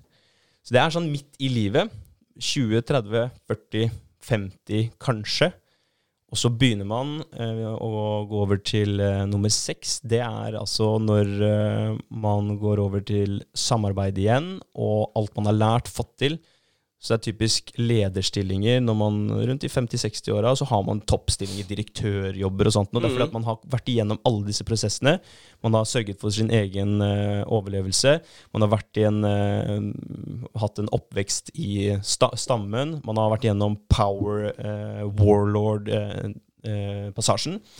og så funnet eh, det sanne. Og så har man bygd med achievement og improvement, bygd på og bygd på. Og så kommer man over i um, collaborative. Da, da kan man ta alt man har lært, og lage, et, um, altså lage en god bedrift ut av det. Og så har man system thinkers, og så er det global order helt til slutt. Eh, system thinkers det er eh, litt, da er litt mer enn det filosofiske stadiet. Du nærmer deg slutten på livet. Eh, og den åttende, den eh, høres jo bare helt sjuk ut. ja. Det er Charles Schwab, det er World Economic Forum, som er på Global Order om dagen. Yes, Ja. yes. Global Reset. Global reset. Ja, Det var det vi hadde trengt. Jeg syns det gir mening, da, når du ser på treeren, liksom. Uh, power. Ja. Du er liksom i tenåra, da. Altså 16-17-18-åra, da. Og du, det er du som er i senter da. Du tenker på deg sjøl da. Det er ego vokser som faen. Selvtilliten blomstrer. Og så kommer eh, fire, da, truth, når du blir litt eldre og skjønner at du, ok, jeg bør kanskje oppføre meg litt. Grann. Mm, Ja. Og det er jo faen stadionet vi går gjennom der, da. Veldig. Og det er veldig Og det er ikke fasit. Det er sånn at det, det er de, de fleste går igjennom det her. Ja. Noen akselererer mye kjappere enn andre. Det kan hende at jeg og dere er, har vært innom truth en periode og er litt over allerede nå, og så kanskje plutselig om tre år så er vi på collaborative development, fordi da har vi et, eh, en organisasjon, dypt vann og equip og sånt, og da har vi lederstillinger i alle mann. Mm. Kanskje. Fett. Ja, men det, er, det her er dritkult. Det er det. Uh, Det er en ny, ny modell som, uh, som er litt eh, kul å bare uh, kjenne til. Ja. Eh, og, og så, så det det jeg skulle fram til da, med den modellen her, Graves-modellen, det er at det, det er en naturlig del av det å være menneske. Mm. Det å konkurrere med seg sjøl, som jeg snakket om, men også om, eh, med andre. da. Fordi uten konkurranse så vil jo framgangen dø ut. Hvis ikke teknologiselskapene konkurrerer, så vil ikke ny teknologi komme like raskt. da. Nei. Nei, nei, man vil jo slutte å lære. Ja. Yes. Og det er, det er et veldig godt poeng, fordi, og, og det er jo en av de ekstremt positive sidene med kapitalisme igjen, at det skaper konkurranse. Den beste ideen vinner fram. De dårlige ideene, de dør. Mm. Så, og det er jo folket som velger det. Det er jo du som velger hvor du har lyst til å legge igjen pengene dine. Og, og det er jo mye som ligger i eh, det med å ta det valget, selv om man kanskje ikke bevisst tenker på alt sammen. Men du skal jo i utgangspunktet eh, Du støtter jo noen med pengene dine, så hvis du hater de personene og syns de er eh, uedle, de personene som står bak denne ideen eller det produktet, så velger du jo heller konk eh, konkurrenten sitt produkt. Mm. Og da er det du som er med som en eh, eh, hva heter det for noe, en consumer, en forbruker, som er med og, og bestemmer egentlig hvilke som skal leve eller ikke leve av disse ideene og nyskapelsene rundt omkring. Det er litt, eh, ja, det er litt fucka å tenke på hvis du går og, og tenker på det du spiser, liksom. At du Si du, si du spiser en Snickers, da. Er Snickers Freia? Nei. Ja, Det spiller ingen rolle. Si du spiser en melkesjokoladeplate, Mm. og så vet du at den inneholder mye crap eh, som du ikke har behov for. Det er ikke noe næring som du trenger i en melkesjokoladeplate. Og du gir penger til eh, et eh, foretak som eh, kapitaliserer på din eh, død, da, hvis du fortsetter å bare spise den sjokoladeplaten. Det er litt, når, Hvis man drar de der litt kjipe parallellene der, så får det en til å tenke hvem er de på en måte gode bedriftene jeg har lyst til å spytte penger på? Eh, eller spytte penger på? Spytte penger på? Ja, jeg reagerte ikke på det. Ja. jeg. Nei, Spytte penger. det har vært jævlig fett. Ja. Men eh, er det de jeg har lyst til å, å støtte, da? Eller har jeg lyst til å støtte noen som har meg og mitt beste i eh, sine tanker? Mm. Altså en lokal gårds, eh, eh, gårdsmann da, som eh, har eh, kuer som beiter, og som eh, serverer eh, egg og kjøtt og alt mulig rart, som vet at det her er Det, det har ikke vært innom et laboratorie. Jeg har slakta det, vær så god. Eh, spis deg store steik. Prima vare. Prima vare. Ja. Ja. For eksempel. Det er bare en uh, liten uh, tanke.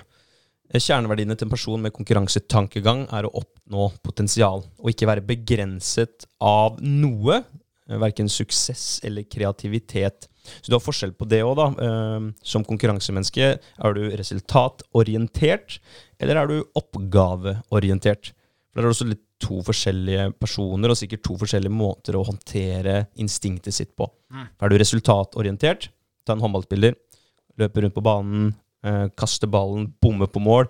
Hva faen? Klikker. Men så har du han andre håndballspilleren som er oppgaveorientert.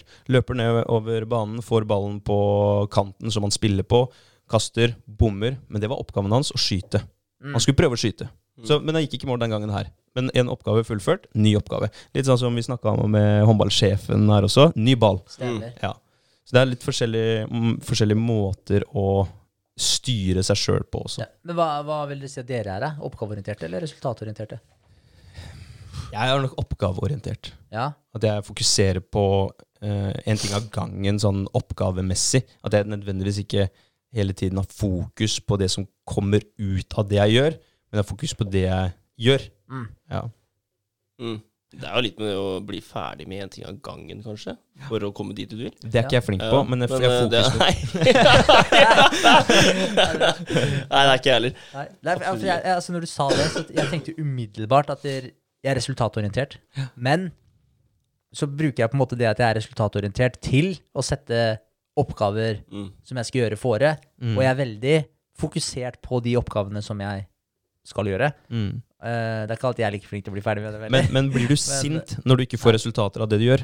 Nei, fordi det, det er jo noe jeg virkelig jobber med sånn generelt, da. Eh, og jeg, jeg tror egentlig ikke at jeg har blitt så Eller jo, jeg tror den verste sinneperioden min Den er over. det var, Ja, men det var det jeg gama. Ja. Ja, ja. Ja, det er Altså, rage quit. Er, ja, når du er tenåring og spiller, og du bare blir mer og mer sinna, spiller CS for eksempel, du blir skutt, Mm. sitter og venter på neste runde, blir skutt, så sitter og venter på neste runde, så blir du skutt, og du, bare, du bare bygger opp et sånt sinne, da, og til slutt så bare eksploderer det. Mm. Så jeg følte jeg hadde på en måte den sinnepiken min akkurat uh, under den gamingperioden. Mm. Men, uh, men nå er det en ting jeg, som jeg faktisk jobber med. Det med å Uh, At jeg har det langsiktige målet, det resultatet som jeg har lyst til å oppnå, men at jeg prøver å For jeg vet at for å komme dit, ett steg av gangen. Mm. Ett steg foran det andre hele tiden. Ta Mm. et skritt. Gjør jeg de oppgavene igjen da, som jeg har satt fore, så vet jeg at jeg når resultatet før eller siden. Mm. Så, så jeg, så jeg på en måte Jeg vet ikke. blander dem litt. grann, Da. Men, ja. Men det tror jeg er Ja. helt greit. At man, man er nok ikke eh, konsekvent og sånn Det er ikke to strekker under svaret der, tror jeg. Jeg tror det er forskjellig i en fotballkamp. Hvis du skulle spilt en fotballkamp, kan, kanskje du er mer eh, resultatorientert der enn du er eh, på en annen arena. Jeg tror, jeg tror ikke det er en jeg tror ikke det er så svart på hvitt, men at du har forskjellige typer av, eh, av um, orientasjon da, når det gjelder konkurranse og få gjort ting. mm.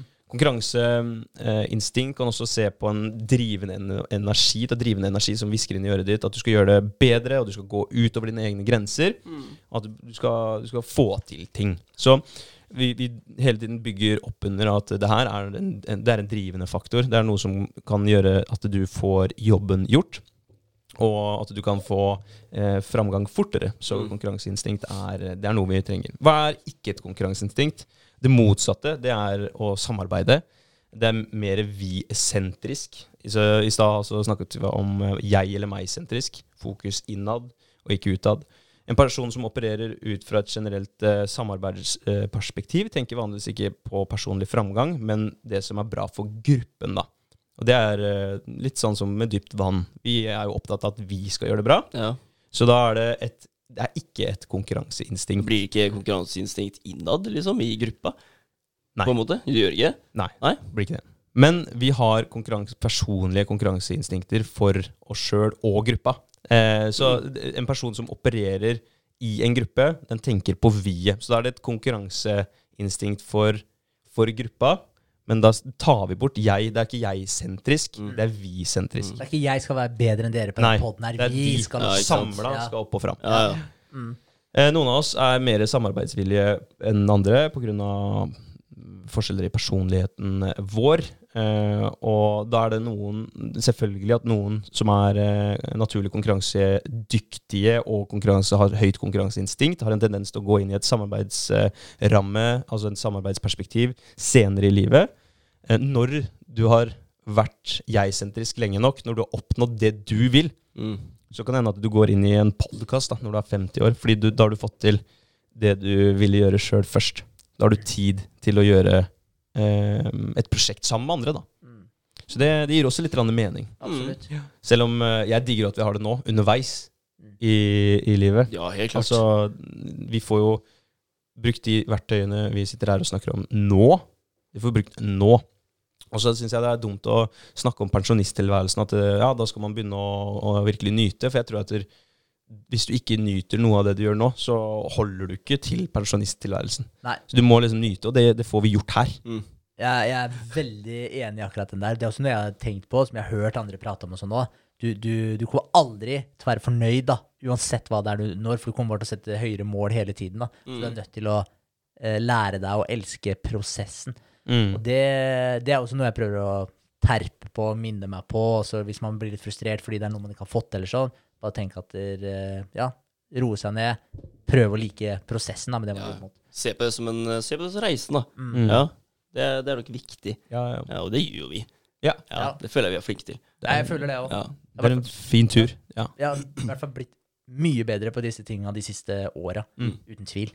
Ja, akseptere at ting er som de er, og at jobbe, jobbe for de da. Ja. Det, er, eh, det er noe med det. Og, og når er det vi trenger et konkurranseinstinkt her? Vi trenger det jo nå. Vi trenger det hele tiden. Mm. Eh, vi trenger det eh, for det andre, tredje, fjerde og femte tiår i livet mest. Da ref eh, det sjette stadiet som vi snakka om i stad. Um, og da vi, har vi jo en tendens til å være opptatt av mye av det vi er opptatt av i dag. Forfølge mål i karrieren vår. Bygge rikdom og inntjeningspotensial. Mm. Det er vi opptatt av. Sikre partnere. Etablere vår pos posisjon i samfunnet. Og fysisk form.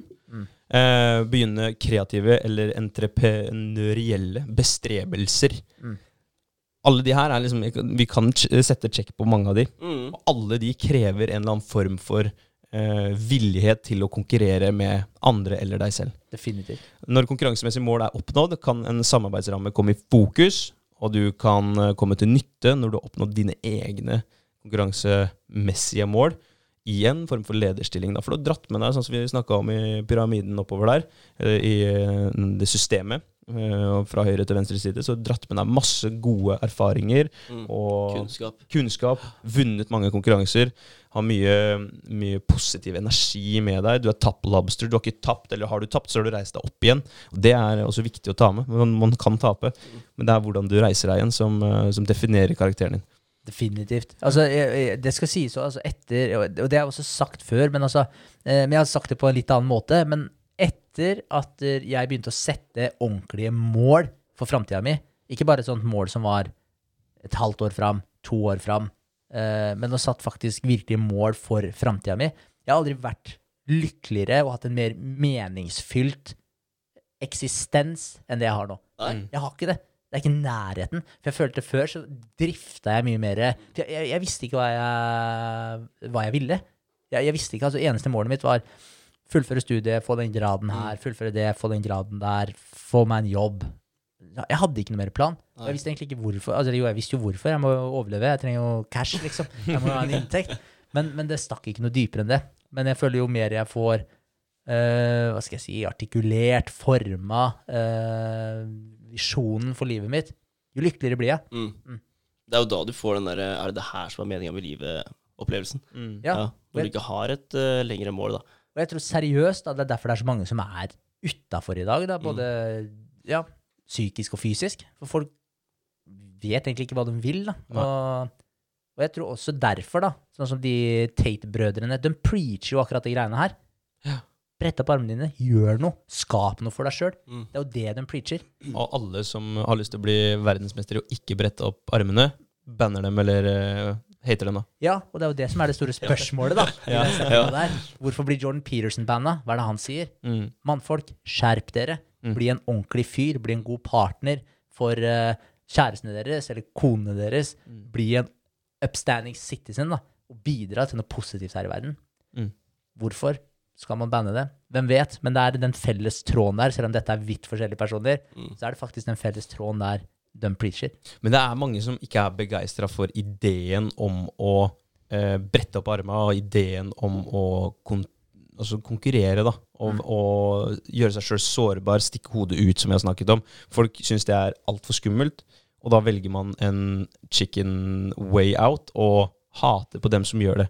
Det er jo ofte sånn at når du ikke gjør, kan gjøre en ting, så tar du det motsatte standpunktet. For da kan du, da kan du gjøre noe der, da. Ja, de, te de teller jo ikke mål i barnefotball engang. Nei. De teller ikke mål. Nei. Nei, hva, hva, og da skal du liksom skjerme ungene fra å tape. Da. De, altså For det første, alle de kidsa ute på den banen der De vet hva stillinga er. Ja, ja, det er klart det. Du, selv om du ikke teller det offisielt, så vet alle de kidsa hva den stillinga er. Så det, så det er jo bare feil, bare det. Men Jeg synes det er sjukt at de ikke gjør det. Det visste ikke jeg. Nei, det er veldig tragisk. Ja. Men, men greia igjen, da, det er jo sånn eh, eh, hva, hva er det du lærer de ungene der, da? At de Ingen taper? Det fins ingen tapere? Ja, da får de et heftig slag i trynet når du blir eldre. da. Det er akkurat Ja. det, da. Og når du først faktisk virkelig taper en eller annen gang i framtida For tro meg, du kommer til å tape skikkelig en eller annen gang i framtida. Og da, da, hvis du aldri har opplevd det, og du aldri har lært deg å takle tapet, hvordan går det med deg da? Du går rett i kjelleren, og det kan hende du aldri kommer deg fra det igjen. da. Mm. Så du, du ødelegger jo individet av å ikke lære dem å tape fra de er unge. Det er jo da man kan virkelig lære seg å tape. Bli vane med det sånn at du blir sulten og har lyst til å gjøre det litt bedre neste gang. Så du stripper bort konkurransen i en konkurranse. Det er jo det du gjør. Du stripper bort ideen om en konkurranse. Alle skal få premie. Alle skal Alle er like mye verdt. Ja, og da er vi tilbake til at ok, eh, bare sitt, sett deg ned på rumpa og vent på at godt skal, noe godt skal skje med deg. Det er Ja, ja. det som er fasiten på livet. Men det er jo litt, eh, litt sånn, altså, Ja. De fleste Mm. som faktisk bretter opp armene og jobber, de jobber for å gjøre ting enklere i hverdagen Mm. for andre. ikke sant? Og da har du den gruppa da, som bare embracer alt det, de som faktisk bretter opp armene og jobber hardt for. Mm. De tar det til seg, de, og så kan du sitte på rumpa og bare nyte enda mer. Mm. Ja, Ja. Så det blir to grupper her, egentlig. Ja, Ja, det er litt det. lættis. Så du snakker egentlig om uh, produsenten og konsumenten. Ja, ja, det blir det. det er Ja, veldig sant, ja, faktisk. Ja, ja, Helt fucka, ass. Du har to forskjellige på en måte, grupper, eller båser, med, med mennesker. Du har folk som skaper noe, og så har du folk som bare forbruker. Ja. Men uh, ja, vi er tilbake til uh, altså, ideen om konkurranse. Eh, og det, det er jo programmert Altså, Det å streve etter å være vårt beste, det er eh, å ha god selvkontroll. Det er programmert i eh, hjernen vår da, som et menneske. Eh, det, er tradisjonelt sånn at vi ble unnværlige for stammen. Det var det som var viktig for oss. Eh, det vil si at vi, vi sikret oss inn i stammen. Vi, vi jobba for det. Fordi hvis du eh, Altså tilbake i tid, i stammen, hvis du konkurrerte ut noen, du var bedre i å sanke bær, da. Så klart, da fikk du være. Da tok de vare på deg. Så det er jo langt tilbake i tid hvor uh, konkurranse ble en superviktig del av hverdagen. Så er man bedre enn noen i noe, så har man en litt større verdi. Og den verdien kan man enten kapitalisere på, eller man kan overleve på Ja. den verdien. Hva faen heter den filmen? Er det Year One? Er det det? Ja. Han der Jack, Jack Black. Black, Ja, ja. Han klarer jo ikke å jakte, så han blir satt som bæresanker isteden. Ja, ikke sant? Ja, bra. Jeg vet ikke om jeg har sett den filmen engang. Jævlig bra! Det er det. Ja, det hørtes faktisk sjukt lættis ut. Jack Black er jo ganske artig. Ja. Men eh, ja. Ja, vi, vi, altså, og, og i en sånn setting, da. Det er jo jævlig kjipt, egentlig. Men eh, ja, da må man gjøre det beste ut av det. Og vi er alle bærere av eh, en konkurranseevne, og vi bærer den forskjellig. Mm. Noen mennesker trives i konkurransescenarioer. Jeg syns det er ålreit. Eh, andre viker unna, men er ekstremt konkurrerende med seg sjøl. Og det er bra. Så, så man, man trenger ikke hele tiden drive og eh, prøve å dytte andre ut av veien for å komme først, men man kan eh, være litt introspekt og, og titte på seg selv. Mm. Ja, det handler jo litt om å, om å bli kompetent òg. Mm. Det, altså, det, det ligger jo faktisk litt til grunn her også. Fordi vinner du kon- konkurranser, du blir bedre, i- eh, bedre i konkurranser, uavhengig av åssen type konkurranser det er, så er du jo åpenbart en mer kompetent person. Mm. Og kompetanse kommer du veldig langt med. Og folk vil ha kompetente partnere, folk vil ha kompetente venner. Altså, kompetanse er jo helt gull. Det viser jo bare at du er god til å takle diverse situasjoner som kan dukke opp. Ja. Du kommer deg jo opp og fram ved å være kompetent. Så det er jo en, eh, en egenskap som alle i utgangspunktet er ute etter. Mm. Ja, det er det. Ja, ja, Sjukt, egentlig. Det er, så, det, er så mye, det er så mye jeg jeg ikke tenker på til vanlig. Altså, men vi sitter og prater om dette måten her, så bare Det gir så jævlig mening, altså. Det er helt sant. Ja, Ja, ja, Det er jævlig fett. Jeg er- elsker den episoden. Ja, ja, men det er dritfett. Det Ja, er dritfett. altså Om 30 år så er den eh, episoden her Da er det feilsnakk. Ja, Ja, ja. Da, da Det er det banna, og så er det feilsnakk. Da er det Frozen Vips account og Ja. hele pakka, da. Da er det ikke eh, lenger lov å snakke om konkurranse. Da er det sletta fra samfunnet. Ja, alle skal være like Ja. Du kan prøve like. seg. Ja, Det er mange som prøver seg. Ja, fy faen. Ja, Det er faktisk det Ja, det er i dag. Det er uh, skremmende, men eh, vi får satse på at fornuften seirer. Ja, vi gjør det. Ja. Men poenget her da, det er å være klar over situasjonene som, som vekker disse følelsene, eh, konkurransefølelsene, og vite litt hva vi kan gjøre med dem, og, og at vi kan kjenne oss sjøl litt igjen i disse følelsene. For helt eh, eh, i starten så snakka vi om litt eh, om hvordan eh, håndtere det som en ikke-konkurransemessige eh, altså Hvis du har volumbryteren lavt da, på konkurranseinstinkt, hvordan man skal kunne booste den litt opp for å, å komme litt frem. Og det, det skal jeg fortelle dere litt nå. Det er fem trinn for å utføre en HLR på konkurranseinstinktet ditt. Så hjerte-lungeredning på, på instinktet ditt. Godta konkurransefølelser. Altså Det første er å akseptere at de er der. For det er veldig fort gjort å undertrykke. Og det er noe som heter å, i, I sinnet vårt da, så er det noe som heter the shadow. Det er eh, Freud har snakket mye om det, og Jung blant annet. Det er, eh, det er der du gjemmer bort ting som uh, du kanskje ikke har lyst til å anerkjenne. Så et konkurranseinstinkt kan befinne seg i din uh, shadow. Uh, hvis du, hvis du Shadow det er liksom betegnelsen på din syke som ligger skjult for bevisstheten. Og konkurranseinstinktet kan ligge der hos mange, og spesielt hos kvinner. Og det er no offense, det er litteratur som backer det. Jenter blir generelt dømt hardere for å bære eller vise konkurranseevne, manifestere konkurranseinstinkt. Mm. Og, og derfor havner de i shadowen. Det er ikke fordi at kvinner har gjort noe gærent, men det er fordi at kvinner blir ofte eh, dømt litt da, når de eh, skaper noe ut av seg for å tape, eller når de gjør noe ut av seg. Så Derfor så havner det litt i shadowen der. Og det kan hende at det er menn som har konkurranseinstinkt som ligger litt i, i, uh, utenfor bevissthetens uh, kapasitet. Garantert. Altså, det er jo litt i forhold til hvis du ikke er vanlig med å konkurrere fra du er liten òg. Altså, altså, jeg har jo holdt på med sport hele livet, Mm. så konkurranse har vært en veldig naturlig del av livet mitt opp igjennom. Men jeg tenker hvis du aldri har opplevd eh, den type konkurranse Skolen er jo en form for konkurranse, Ja. men hvis ikke du presterer så godt på skolen heller, så kanskje du forkaster den konkurransen nå, for det er ikke en konkurranse som du gidder å konkurrere i igjen, litt som vi snakka om tidligere. Og hvis ikke du blir preppa på å delta i konkurranser og Ja, så, så kan det jo hende at du bare skyver den tilbake og bare Nei, jeg, jeg liker ikke å konkurrere, jeg er ikke et konkurransemenneske. Og ja, du bare rett og slett eh, gjemmer den i skyggen din. Litt sånn eh, ubevisst eh, som skjer fordi du repetet, eh, det, repet, repeterende har eh, unngått eller ikke blitt utsatt for det, Ja. og da bare ender den opp borte vekk fra deg. Mm. Det er litt skummelt. Ja, ja. Og, så, og da fraskriver man seg jo litt uh, muligheten også. Eller man fraskriver seg ikke bare litt, man fraskriver seg egentlig muligheten totalt for å vinne konkurransen, hvis du ikke deltar i konkurransen overhodet. Da Mm. har du jo allerede tapt. Og, men det er jo den, på en måte, hva skal jeg si, den stygge baksiden ved konkurranse. Én ting er jo det positive som skjer når du vinner, men å tape har også mye positivt for seg, fordi du må faktisk lære deg å deale med nederlaget, og du må bygge det inn i karakteren din og komme deg videre, delta på neste konkurranse, spille fair og, og prøve å gjøre det bedre enn det du gjorde neste, eh, forrige gang. Men du har jo også den vonde følelsen assosiert med det å tape også. Det er jo en forferdelig altså det, er, det er ingenting som er verre enn å se en forsvarsløs kid som er utafor i en gjeng. Når du, når du ser det i dag, ser tilbake, holdt jeg på å si, eller ikke ser tilbake hvis, hvis du tenker tilbake på skolen og de ungene som havna på utsida Mm. Hvis jeg hadde sett det i dag, så hadde jeg blitt oppriktig lei meg. Altså, det hadde gjort vondt i hjertet mitt å se på det. Fordi hva skal jeg si, det er så, det er så fælt da, å se på en kid havne på utsida en gruppe på den måten og bli behandla stygt. Mm. Det er jo helt forferdelig. Og det er jo den, si, den stygge baksiden ved konkurranse. Men den naturlige delen av det også, som selvfølgelig må være til stede. For hvis ikke den er til stede, så er heller ikke oppsiden ved å vinne til stede. Mm. Så de er jo selvfølgelig motpoler, og begge må være til stede. Det er yin-yang, ikke Det er yin-yang, men den er fæl å se på. Ja. Den er jo det. Ja, den er det.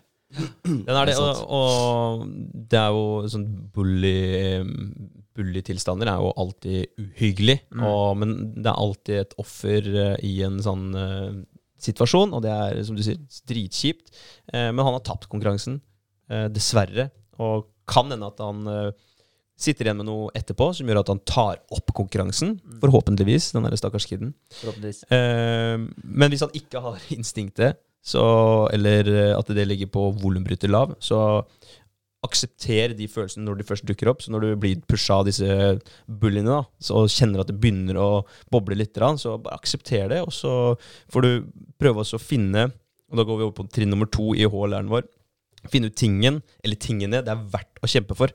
Finne ut det som du kan konkurrere i, og du føler at det, det, du har en interesse i å konkurrere Mm. på den arenaen. Ikke alle våkner klokka fem eh, hver dag, mediterer og trener før klokka seks, tar på seg dressen sin eller arbeidsklærne sine, marsjerer inn på kontoret øh, for å oppnå 50 ting før klokka åtte. Så man skal ikke grave etter instinktet når det gjelder ting som ikke er deg nært, da, som ikke bryr deg. Så det må, det må være noe som du er opptatt av. Så er du opptatt av å få gjort alle disse tingene før klokka åtte, da må du steppe opp gamet og sørge for at du er der før alle andre og gjør det til en liten konkurranse for deg sjøl. Ja. Det har jeg tenkt på når jeg har vært ute og løpt tidlig om morgenen også, når det er mørkt i alle andres vinduer. Da er det en liten edge. Det er deilig. Det er, veldig deilig. Ja. Så finn ut hva du faktisk bryr deg om. Og det, det har liksom tatt uh, meg noen år òg, å finne ut av hva, hva jeg bryr meg om. Jeg merker jo det nå når jeg har, nå har vært uh, med på bare de to siste helgene. da. Mm. Lenge siden jeg har konkurrert. Uh, og det var en slags konkurranse med meg sjøl. Både tøffest, som var forrige helg, og så den helga som var nå, uh, med en lite løp. Uh, og jeg merker at det her er, det er noe som jeg syns er dritkult, fordi jeg liker jo å prestere fysisk. Mm. Og, og litt mentalt også, men jeg er ikke superivrig på en in intellektuell debatt med en eller annen. Der er ikke jeg sånn at åh, den må jeg vinne. Den skal jeg ta. Fy faen, den skal jeg ta. Det er mer sånn eh, Jeg vil heller prestere på de arenaene der jeg har en interesse. Uh, men det er litt merkelig. jeg tenkte på det mens jeg løp eh, tøffest også, fordi da var det sånn at jeg bare kosta forbi folk.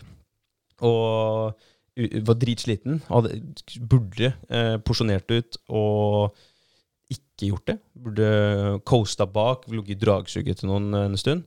Men jeg klarer ikke å ha folk foran meg. Det er et eller annet oppi her, og jeg klarer ikke. Så jeg hadde sånn 200 puls oppover de verste bakkene der, for jeg skulle forbi folk. Og, og så tenkte jeg på det mens jeg løp. Fy faen, det er akkurat samme når jeg er ute og kjører bil på E6. Jeg klarer ikke ligge i høyrefila. Jeg må ligge på utsiden og Ja. passere. Jeg må passere. Så det er et eller annet oppi her. Mm. Det er et eller annet ins instinkt som kicker inn. Spiller ingen rolle, det er bare fem kilometer i timen forbi, liksom. Nei, nei. Du, ba, du bare må forbi. Må forbi. Ja. Jeg kan ikke ligge bak. Ja, det er veldig, veldig merkelig, det. Fordi det er jo ikke en konkurranse på E6, eh, egentlig. Men jeg Spørs hvordan du ser på det. Ja, ikke sant, det er det. Ja, det er det. Det sånn jeg ser på det. Sant. Jævlig bra. Men uh, det er nummer to. Nummer tre, ha mål som er avhengig av atferd og ikke resultater. Mm. Det er lurt at du ikke bare har resultatorienterte mål.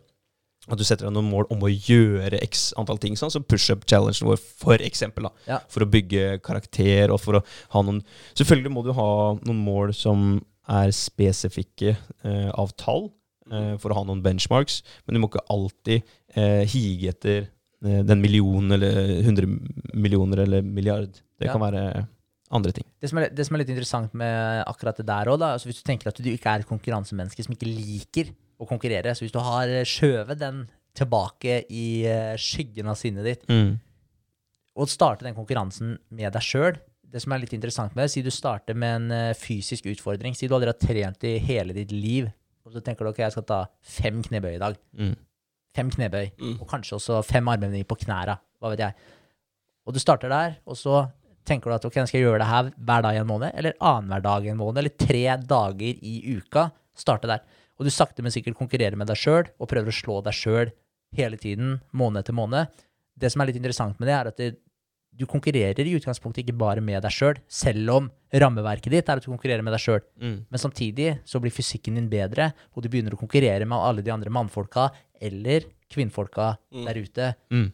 som også Alle har jo en kropp, Mm. så uansett hvordan du vrir eller vender på det, hvis du trener og blir mer fit, så konkurrerer du ikke bare mot deg sjøl, du konkurrerer i utgangspunktet også mot alle andre i samfunnet i forhold til hvor de er på fit-skala. Survival of the Mm. fittest. Ja. Vi er tilbake på det uh, i konkurranseaspektet her. Yes. Hele tiden. Og da også når du kommer til et punkt hvor du faktisk har holdt på med de greiene her i si x antall år, og du har ikke trengt å konkurrere mot noen andre, for du melder deg ikke på noen fysiske konkurranser, du er såpass gammel at du må ikke være med i gymmen på skolen lenger, og du slipper alle de greiene her, så på et eller annet tidspunkt så vil du være i så god form at når du da blir med på en konkurranse, fysisk konkurranse, så vil du faktisk prestere. Mm.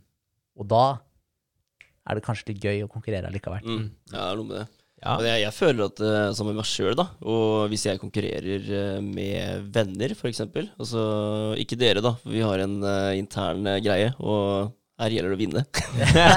så det er greit. Men uh, hvis jeg er ute og løper med noen, da, eller uh, som f.eks. når vi hadde timen eh, før et bryllup for en stund siden, André, Mm. uh, og vi har en eh, treningsøkt sammen med andre, og jeg ser at de andre gjør det litt dårligere enn meg, så senker jeg automatisk nivået mitt for å for å være grei da, mot de andre. Oh, ja. Ja, Du, det du har sånn pitty attitude? Ja, jeg får litt den, altså. Jeg gjør det. Shit. Ja, litt den der Jeg, skal, jeg, jeg vinner jo uansett, liksom, men jeg kjører ikke over, da. Mm. Så jeg senker den lite grann, for at eh, de ikke skal føle seg dårlig, da, tenker jeg.